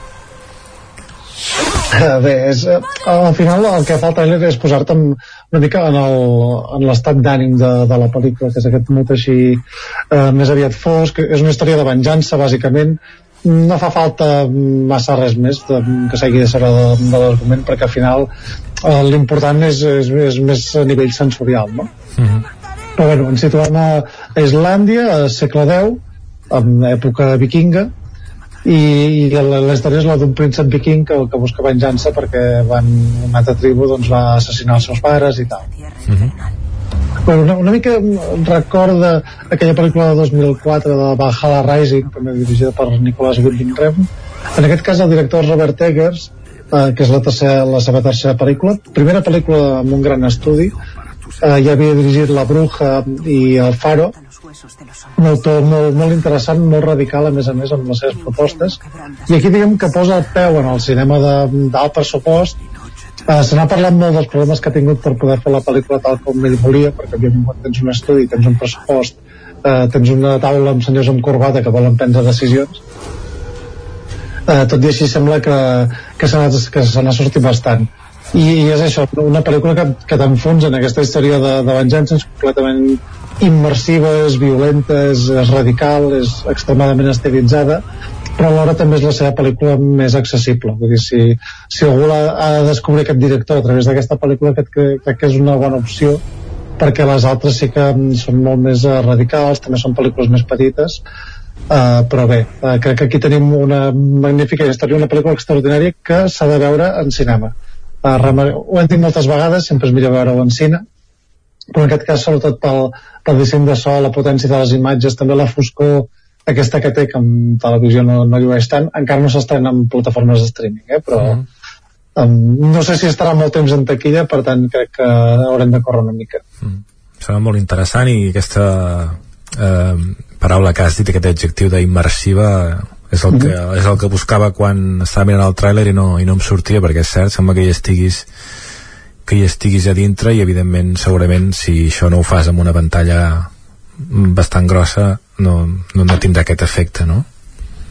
Sí, exacte, és, és, és això, és, és entrar en el cinema i deixar-te portar doncs, per, per la història que t'expliquen, que al final és, és més això, com es mou amb tot a nivell emocional i buscar aquesta radicalitat a través de, de les imatges, que és el, el que porta el pes principal. Mm. I a nivell documental és com un Valhalla Rising amb Gladiator, però bueno, molt, molt allunyat d'aquest sentit més comercial. N'havíem parlat aquesta? Algun, per algun, perquè hi ha anat algun festival o alguna cosa?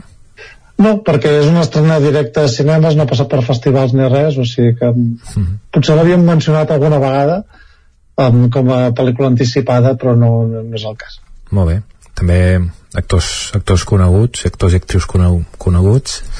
Sí, un repartiment molt potent. El protagonista és Alexander Skarsgård, que potser no, no és tan conegut, és més famós per la sèrie de True Blood, Uh, però tenim uh, Nicole Kidman, tenim a Anya Taylor-Joy, que ja, ja ha treballat dos vegades amb, amb aquest director, perquè era la protagonista de La Bruja, Willem Dafoe, que repeteix després del Faro, mm. uh, tenim Ethan Hawke, tenim la Bjork, també per allà posada, o sigui, i després un repartiment d'actors nòrdics que, òbviament, doncs, mm. s'escaven per la temàtica. Molt bé. Doncs anem per la següent. Sí, anem a la següent, que aquesta sí que va passar per festivals, concretament el, el de Sitges, uh, i és que és la nova pel·lícula d'Àlex de la Iglesia, uh, que ens porta al Carnaval de Venècia, diguem, en una vessant més terrorífica, amb aquest títol que, que s'anomena Venecia Frenia. are the real plague of the century. You and your kind bring death to our city. So we have decided to generate fear. Real Fear. La pel·lícula turismofòbica. Aquesta és la, aquesta és la, la d'humor o no? ¿Quién decía que era mejor las... Uh, què vols dir? Si és, si és, la, de, si és la pel·lícula de, que, Màgic i Nivellera que era, de, que era humorística no sé. ah, no, no, no, aquesta no, no és la comèdia vale. no, no, la comèdia és la bueno, aquesta és el to d'Àlex de la Iglesia que sempre barreja el terror amb aquest punt de comèdia però més, més des de la vessant cafra, no des del punt de d'anar a buscar l'acudit o, o el cac. Sí, òbviament és una pel·lícula mm, turismofòbica, en aquest cas situada a Venècia durant els carnavals, i és una, una slasher de manual, són una colla de joves que van a celebrar un comiat de soltera eh, el, durant els carnavals de Venècia i hi ha uns individus emmascarats no, amb aquestes màscares venecianes que, que els comencen a, a perseguir i a matar. Uh, segurament és, és d'una d'aquestes pel·lícules d'Àlex de l'Iglésia que intenta ser com més compromès o parlar de temes interessants no? sempre a través de, del gènere com en aquest cas és la, la gentrificació i, i la, les implicacions de, del turisme i les seves conseqüències sobretot ara en aquest punt eh, més massificat. Eh, però alhora és una pel·lícula que va perdent força a mesura que avança i això és un problema perquè es veu molt gradualment. La pel·lícula comença molt bé i a mesura que va pensant doncs diguem que va empitjorant es va fent menys interessant. Això la fa molt irregular i fa, fa que vagis perdent l'interès al, al llarg de, diguem, de tot el metratge. El que passa que, que sí que hi ha les qualitats de l'Àlex de l'Iglésia que és aquesta de seu com a creador d'universos, no? que introdueix sempre amb històries noves en, en territoris nous i sempre l'entens molt bé, es centra molt bé dintre aquest univers, l'explica molt bé, uh, les escenes així més d'assassinats, més violentes, doncs estan molt bé, uh, molt ben narrada en, en aquestes escenes diguem més d'acció el que passa que la història no, no té molt interès i el discurs que té doncs, és molt superficial. Mm. Ara, és una bona pel·lícula per passar l'estona i Àlex de l'Iglésia és un director sempre um, que com a mínim uh, fa passar el temps d'una manera entretinguda. Molt bé. Doncs anem per l'última que destaques. Uh... Sí, anem per l'última, que ara sí que ve la comèdia, mm. i comèdia amb animal, que és un gènere que, que era com molt popular als anys 90, s'ha perdut bastant, ja no sé si, si afortunadament o no, però d'aquesta pel·lícula dirigida per Channing Tatum i Ray Caroline que es titula Doc, un viaje salvaje. Me he dejado la piel para volver a tener mi mente y mi cuerpo en forma. Tengo que volver a la acción, señor. ¿Quieres volver a la acción? Demuéstralo. El sargento Rodríguez era una leyenda. Su funeral es el domingo a las afueras de Nogales. Quieren que su perra vaya al funeral. Si lo consigues, volverás a la acción. No quiere trabajar con nadie. Parece que está bien y de repente manda a tres tíos al hospital. Hola, tú y yo vamos a hacer un viajecito. Tranquila. ¿Por qué le tenéis miedo? Es súper tranquilo. ¿Qué bicho te ha picado, tía? ¿Qué tal si nos vamos relajando un poquito? No, no, no, no, no, no, no, no! Eres un demonio! Eres un demonio! Comèdia, però tampoc d'aquestes de, de gags, eh? És, bueno, és no. una història bonica, no?, pel que veig. Sí, exacte. De fet, és, és bastant miraculós una mica el to que, que aconsegueix agafar la pel·lícula. Perdó. La, la història del protagonista és un exmilitar que ha de fer un viatge per carreteres, també la tabany aquest de la road movie, acompanyat d'un gos, per arribar a l'enterrament d'un amic seu, d'un excompany seu. I, I el que deia que és interessant com aconsegueix barrejar diversos tons que semblen a principi incasables, com és el, el, la comèdia més pura, el, el missatge polític, el missatge social, i també el sentimentalisme pur i dur que, que té a veure sobretot quan, quan apareixen a, a, els animals i fins i tot aquestes relacions dels animals amb les persones, etc. Tot i així funciona la, la mar de bé Uh, pot ser que es faci una mica feixuga en algunes fases, això sí que, que se li pot reconèixer perquè mm, potser no, no entrem tant a la, a la pell del, del protagonista, a vegades massa, diguem, massa protagonisme al gos, que, que, que és aquell equilibri difícil, no? perquè al final el protagonisme sempre ha de ser per, per l'humà, per una qüestió d'encaix de, emocional i d'empatia i sí que és una, història una mica regular però funciona la, la mar de bé en general. I crec que és d'aquestes pel·lícules que, que fan riure, fan emocionar i a més a més té molt bones intencions amb els missatges que transmet. A més està bastant ben escrita i dirigida amb, amb prou bon criteri amb aquest debut a la direcció de, de Channing Tatum que és eh, aquest director forçut eh, que suposo que la gent coneixerà ja de, de diverses pel·lícules com uh, Magic Mike uh, o 21 Jump Street entre d'altres i, i bé, doncs és un, un bon debut a la direcció i és una d'aquestes pel·lícules molt agradables de veure doncs mira que amb els primers 30 segons de tràiler no pensava exactament això, eh? que... Sí, és, és d'aquelles que, que, que no t'ho pots creure, eh? I dius, ostres, com, no, no ve de gust i al final dius, pues, pues mira, no, no estava tan malament. Mm -hmm. Molt bé. No ho hem repassat, però l'Hombre del Nord es pot veure tant al cinema Sucre com als Ocina de Granollers uh, Venecia Frenia uh, només el sucre i aquesta última de Doc, Un viaje salvaje els dos principals cinemes del nostre territori el sucre i l'Ocine mm -hmm. abans de repassar la resta de la cartellera te'n vols anar fins a, fins a un festival Sí, fins al Festival de Cants, que han aprofitat aquestes dates de Setmana Santa per, per anunciar tot el cartell de pel·lícules que, que participaran al festival, o com a mínim bona part de les pel·lícules, a les seccions principals. Um, ja en parlarem més endavant perquè el festival se celebra del 17 al 28 de maig. Uh, però sí que un parell de coses interessants. Un el cartell que han presentat el cartell oficial del festival no? que sempre és com una mena d'esdeveniment de, aquest any és un homenatge al show de Truman i és un, un cartell preciós si, si podeu busqueu-lo i també dintre de la secció oficial s'han anunciat ja totes les pel·lícules que hi participen. I n'hi ha algunes que, que destaquen molt perquè són autors que també estàvem esperant amb ganes. Eh, dir primer que, que la pel·lícula inaugural és eh, Z de Michael Hassanavicius um, entra a competició perquè és pel·lícula inaugural. Eh, no crec que sigui de les millors. És, Hassanavicius és el director de The Artist. Des de llavors crec que havia fet només una pel·lícula i tal. I aquí almenys torna a agafar aquest ressò de, d'entrar a la inaugural de Cans, no?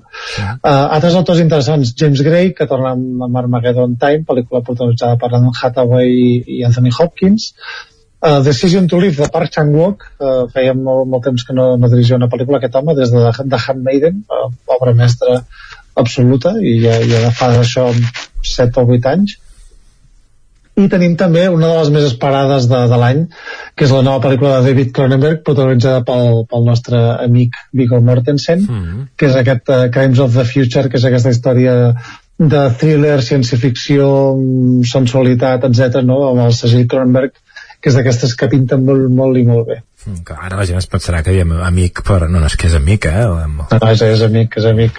Que passa que no, no, ha volgut, no, no ha volgut venir a dinar amb nosaltres, de moment. No, no, i no ho sé, perquè és que, que s'allargaria, eh? Perquè el cop que el vam entrevistar... Mm -hmm. Tu, aquí, més que una entrevista va ser teràpia. Sí, sí, sí. Però bé, eh, ja, ja veurem si torna. I també destacar, però, que fora de competició tenim la, aquest biòpic d'Elvis Presley, eh, dirigit per, per Baz Luhrmann, director de, de Moulin Rouge, i la nova pel·lícula també de, de George Miller, que es titula 3000 Years of Longing, eh, amb Idris Elba i Tilda Swinton, i que també George Miller no dirigia des de Mad Max Fury a la carretera, que va ser un gran hit eh, també de l'any 2014 o 15 ja, deu fer. 15 doncs eh, imagina't, ha 7 anys, però bueno, bona notícia que també que torni George Miller. Molt bé. I ara sí, anem a fer un repàs a, a les estrenes de la resta del territori, al cinema mm. Comtal de Ripoll, uh, no sé com es pronuncia això, Hive Colmena? Sí, Hive, es, uh, està titulada Colmena. Ah, clar, eh, aquesta... és la traducció. Sí. sí, sí, sí. Hive Colmena. Correcte. Exacte. Rus. Sí, és una, la, la pel·lícula que està dintre del, del, del Cineclub Ari, que la fan el divendres, i, i és una pel·lícula mm, kosovar eh, que, que se situa justament a l'època posterior a, a la Guerra Civil i se centra en la figura d'una dona que, que això que es dedica al cultiu d'abelles i tal, i en un viatge en un poble on, diguem, bàsicament els temes que tracta és la, la pobresa, el patriarcat, el, el com es tracten amb la gent en, en aquests contextos eh, post-conflicte i és una pel·lícula bastant dura però, però molt interessant, per tant molt recomanable d'anar a veure. I també Bèsties Fantàstiques, els secrets de Dumbledore. Sí, ja en vam parlar, aquesta prequela de, de Harry Potter que, que es va estrenar fa un parell de setmanes i que ara arriba al cinema com tal. El casal Camprodoní, que últimament van bastant tard, perquè sí, aquestes alçades de la... ja potser haurien d'haver anunciat quina és la, la pel·lícula que fan i no... Sí, a vegades últimament ens està agafant que, que l'anuncien tard i no, no podem promocionar-la, però bé, alguna cosa faran, o sigui que cap a Camprodon. On, on busques aquesta informació? Perquè jo diria que, que aquesta el cas del Camprodoní em sembla que només ho fa a Facebook? Sí, sí, sí, sí busco a Facebook directament i no, de moment no estava publicada. Molt bé. Doncs què més, què més tenim? Uh, tenim una traca de, de pel·lícules d'aquestes de, de cicle Gaudí que és que fan Mediterráneo, aquesta pel·lícula de, sobre l'origen d'Open Arms que la fan tant al Cinema Catalunya de Ribes com a l'Alter de Toelló com al Casal de Gràcia de, de Manlleu com a l'Esbarjo de, de Cardedeu. Caram, i a l'Esbarjo de Cardedeu també La peor persona del mundo. Sí, aquesta és una pel·lícula magnífica que també és d'aquestes que crea controvèrsia perquè també he parlat amb gent que no, no li ha agradat gens. Estava nominada a l'Oscar a millor guia original i és una pel·lícula sobre bueno, la vida d'una noia que se sent com perduda perquè no, no sap què vol ser, no sap amb què vol trobar-se i diguem que seguim les, la vida i les peripècies d'aquesta noia doncs, a través de, de les relacions d'amistat o romàntiques que, que té amb, amb altres. Uh, pel·lícula molt interessant amb moltes llicències narratives i jo per mi molt, molt ben escrita, o sigui que la recomano moltíssim. Molt bé, ja per acabar estem parlant de, de dimarts vinent, però com que fem la mm-hmm. secció eh, abans doncs ho hem, ho hem, ho hem de dir-ho, el Cineclub de Vic 3. Sí, la pel·lícula de Juanjo Jiménez, que, que de fet ja, ja, crec que l'havíem anunciat, no sé si hi ha hagut un canvi d'edat o, o em vaig embolicar jo, uh, però bé, és aquesta pel·lícula que va passar per Sitges, pel·lícula catalana espanyola, que és una noia que, que es dedica a fer edició de so per cinema i es troba que se li, se li desincronitza el so de la, de la seva vida, no? tal com escolta les coses. Mm. Uh, dir que és una pel·lícula també molt immersiva, molt interessant i, i també la recomano molt. Mm. Um, diria que també està a Filmin per aquella gent que visqui lluny de Vic. Sí. Molt bé. Sí, l'han estrenat recentment a Filmin també. Mm. Molt bé, doncs ja ho tenim tot. Moltíssimes sí? gràcies i fins la setmana vinent. I fins la setmana que ve crec que hi ha una altra estrena de Marvel que no fa. Ah, sí? Ah, quina? Ah, la Doctor Strange? El, el Doctor Strange, sí, sí. Sí, sí. Jo com que... Passa, eh? Que, que les has de mirar per, per ordre i, i ja estic perdut, jo. Ja, ja, la, aquesta sí, ja no puc. En canvi, de Batman intentaré mirar-la. Aquesta sí que la pots mirar. Sí. Sí, que de fet Batman justament aquesta setmana crec que arriba tant a Movistar com a HBO Max. Sí, sí tindràs la tindràs l'ocasió. I ara dubto de si el Doctor Estrany l'estrenen la setmana que veu l'altra, però bé, ja, ja en parlarem quan arribi un moment. Molt bé. Doncs que vagi bé, Gerard. Vinga, moltes gràcies, vagi bé. Adéu-siau. Doncs vinga, Gerard, Joan, moltes gràcies per acostar-nos l'actualitat cinematogràfica aquí a Territori 17. I ara la part final del programa d'avui, quan ens queden 7 minuts per arribar fins al punt de les 12 del migdia, el que farem és una breu eh, recomanació, en aquest cas no de pel·lícules, sinó de sèries. Ho fem sovint, habitualment, els dijous per tancar el programa, i aquí primer saludarem, que és tot un expert en la qüestió, és l'Òscar Muñoz, des de Ràdio i Televisió de Cardedeu, veu. Òscar, molt bon dia. Bon dia. Ens vols fer alguna recomanació pel que fa a sèries, eh? Què, en, què hauríem d'engolir? Aviam, què ens proposes? Doncs us volia recomanar la sèrie Los Bridgestone. Los una... Bridgestone. Exacte. Són fabricants de pneumàtics o no, aquesta, aquesta gent? No, no es no. diferent. Bridge, ah. Bridgestone, bueno, sí, aquests són els pneumàtics, no? val, val. Doncs sí, és, és, això, és una sèrie de Netflix que es fa, eh, fa poc es va estrenar la segona temporada. Avui parlaré de la primera, ja que si algú vol veure la sèrie, doncs per no fer massa spoiler. Jo tampoc, personalment, no, no he vist la segona, ja que la vaig acabar la primera fa poc, així que, doncs, això. Eh, jo recomano la primera temporada, que són capítols d'una hora aproximadament, i és bastant entretinguda, així que no es fa, no es fa llarga. Uh -huh. I d'això, la sèrie, el Kingston, eh, és una sèrie d'època, eh, situada a Londres als anys 1813, i ens expliquen doncs, la història de, de la filla gran d'aquesta família poderosa quan fa el debut al competitiu mercat matrimonial.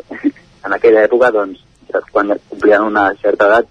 Havien d'anar a casori, sí. Exacte. Uh -huh.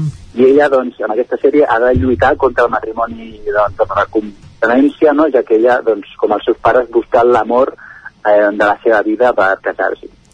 En aquesta sèrie doncs, hi ha un altre paper, que és la Lady Whistledown, és un personatge que dona molt de joc a la, a la sèrie, que és una columnista de la premsa rosa, podríem dir-ho, que escriu tots els rumors, les, tafan, les tafaneries d'aquella, de, de l'alta societat. Vaja, premsa rosa ja a principis del segle XIX, això, eh? Ja, ja ah, n'hi havia. Exacte. Està bé. Uh -huh. I això, doncs, en, en l'altra societat, doncs, els agradava molt tenir aquest, aquest rumor i aquestes tafanejos, uh -huh. i, i això, llavors, doncs, dona molt de joc, ja que també, doncs, la protagonista, doncs, ha de lluitar perquè eh, la gent no sàpiga, per no sortir en, en la premsa. I, i això, eh, la recomano, és, és una sèrie d'època que a vegades dius, ah, eh, sembla que s'hagi rodat a, a Londres ara mateix, saps? Hi ha petits detalls que potser doncs, grinyaven una miqueta, però a mi m'agrada molt i doncs la recomano, no sé si doncs, l'heu pogut veure. No, jo no l'he pogut veure, ja t'ho ben asseguro. Ara li preguntarem a l'Isaac Muntades si, si, si l'ha vista. Va, Isaac Muntades, bon dia. Bon dia, Jordi, bon dia, Òscar. Has vist aquesta doncs, sèrie que ens comenta l'Òscar mm, o no? No l'he vista, sé quina és, però no, no, no l'he vista. Doncs va, ja no, tens... no m'acaba de cridar a mi. Ja tens deures. Abans de fer-nos una recomanació, Isaac, acomiadem a l'Òscar. Òscar, moltes gràcies, eh? I pren nota ara de la recomanació de l'Isaac, eh? Sí, ara ja m'ho apunto, això. Va, doncs vinga, Isaac, amb dos minuts, va, què ens recomanes? Sí, segur que de fet molts de vosaltres ja l'heu vista, és aquesta sèrie de, de Netflix, 800 metros. De jo, només... jo no l'he vista, ja t'ho reconec, per tant, uh, paro bé l'orella, va. De què va? Per sí, qui no la conegui. Eh, eh, bàsicament eh, són tres capítols és, diguéssim que és una minissèrie de 50 minuts cada capítol que parla doncs, de tot el tema dels atentats de, del 17 d'agost de l'any 2017 a Barcelona eh, i Cambrils i és una docusèrie. Per tant vindria a ser com un documental que en aquest cas eh, està dirigit per Elias León que també va fer doncs, el, el cas o el Càcer i que també hi participen doncs, periodistes com, com Nacho Carretero o, o una, una periodista que hem entrevistat aquí en el Territori 17 en el seu moment que també ha treballat molt molt el tema dels atentats, l'Anna Teixidor, que de fet al principi no és una de les anècdotes de, del documental, que, que es veu al principi que ella no... l'entrevisten per fer el documental i un cop acaben l'entrevista li demanen si es pot incorporar doncs, una mica també en, a, a, a ajudar-los. Bàsicament, els tres capítols, eh, per, per resumir ràpidament, uh, perquè tampoc aquí no hi ha massa spoiler, vull dir, és el que, és el que va passar. Evidentment. Uh. -huh. Exacte, vull dir que ja tothom sap una mica com va passar. En el primer se centra una mica amb el que seria la radicalització de tots els, els joves terroristes de, de Ripoll, bàsicament, com es va planificar els atacs i la cèl·lula. En el segon capítol eh, ja parlaríem sobretot de, dels atacs a, a la Rambla i tot el que va desembocar doncs, a, a aquesta tragèdia amb testimonis molt colpidors i el tercer capítol també una mica el desenllaç i tot el que també hi ha el tema de, de l'atemptat de Cambrils i com van reaccionar doncs, els terroristes quan va explotar la casa del Canàs. Eh, sens dubte és molt interessant la sèrie perquè s'hi veuen molt de material inèdit i realment eh, s'hi si veuen coses que no, no havien sortit fins ara. Que per això la, la recomanem. Doncs va, uh, per conèixer de primera mà què va passar a Ripoll ja aquell fatídic agost de 2017, doncs aquesta sèrie que ens recomana l'Isaac Muntades. Isaac, moltes gràcies. A vosaltres, adeu, Vinga, bon dia. Ens retrobem demà i nosaltres el que hem de fer ja és anar acomiadant el territori 17 d'avui. Això sí, ens acomiadem no sense abans recordar i emplaçar-vos a retrobar-nos de nou doncs demà, i ja ho sabeu, com sempre us farem companyia des de les 9 del matí i fins a les 12 del migdia. Demà, vigília de Sant Jordi, també hi serem aquí, a Territori 17. Fins llavors, salut i que vagi molt bé. A reveure.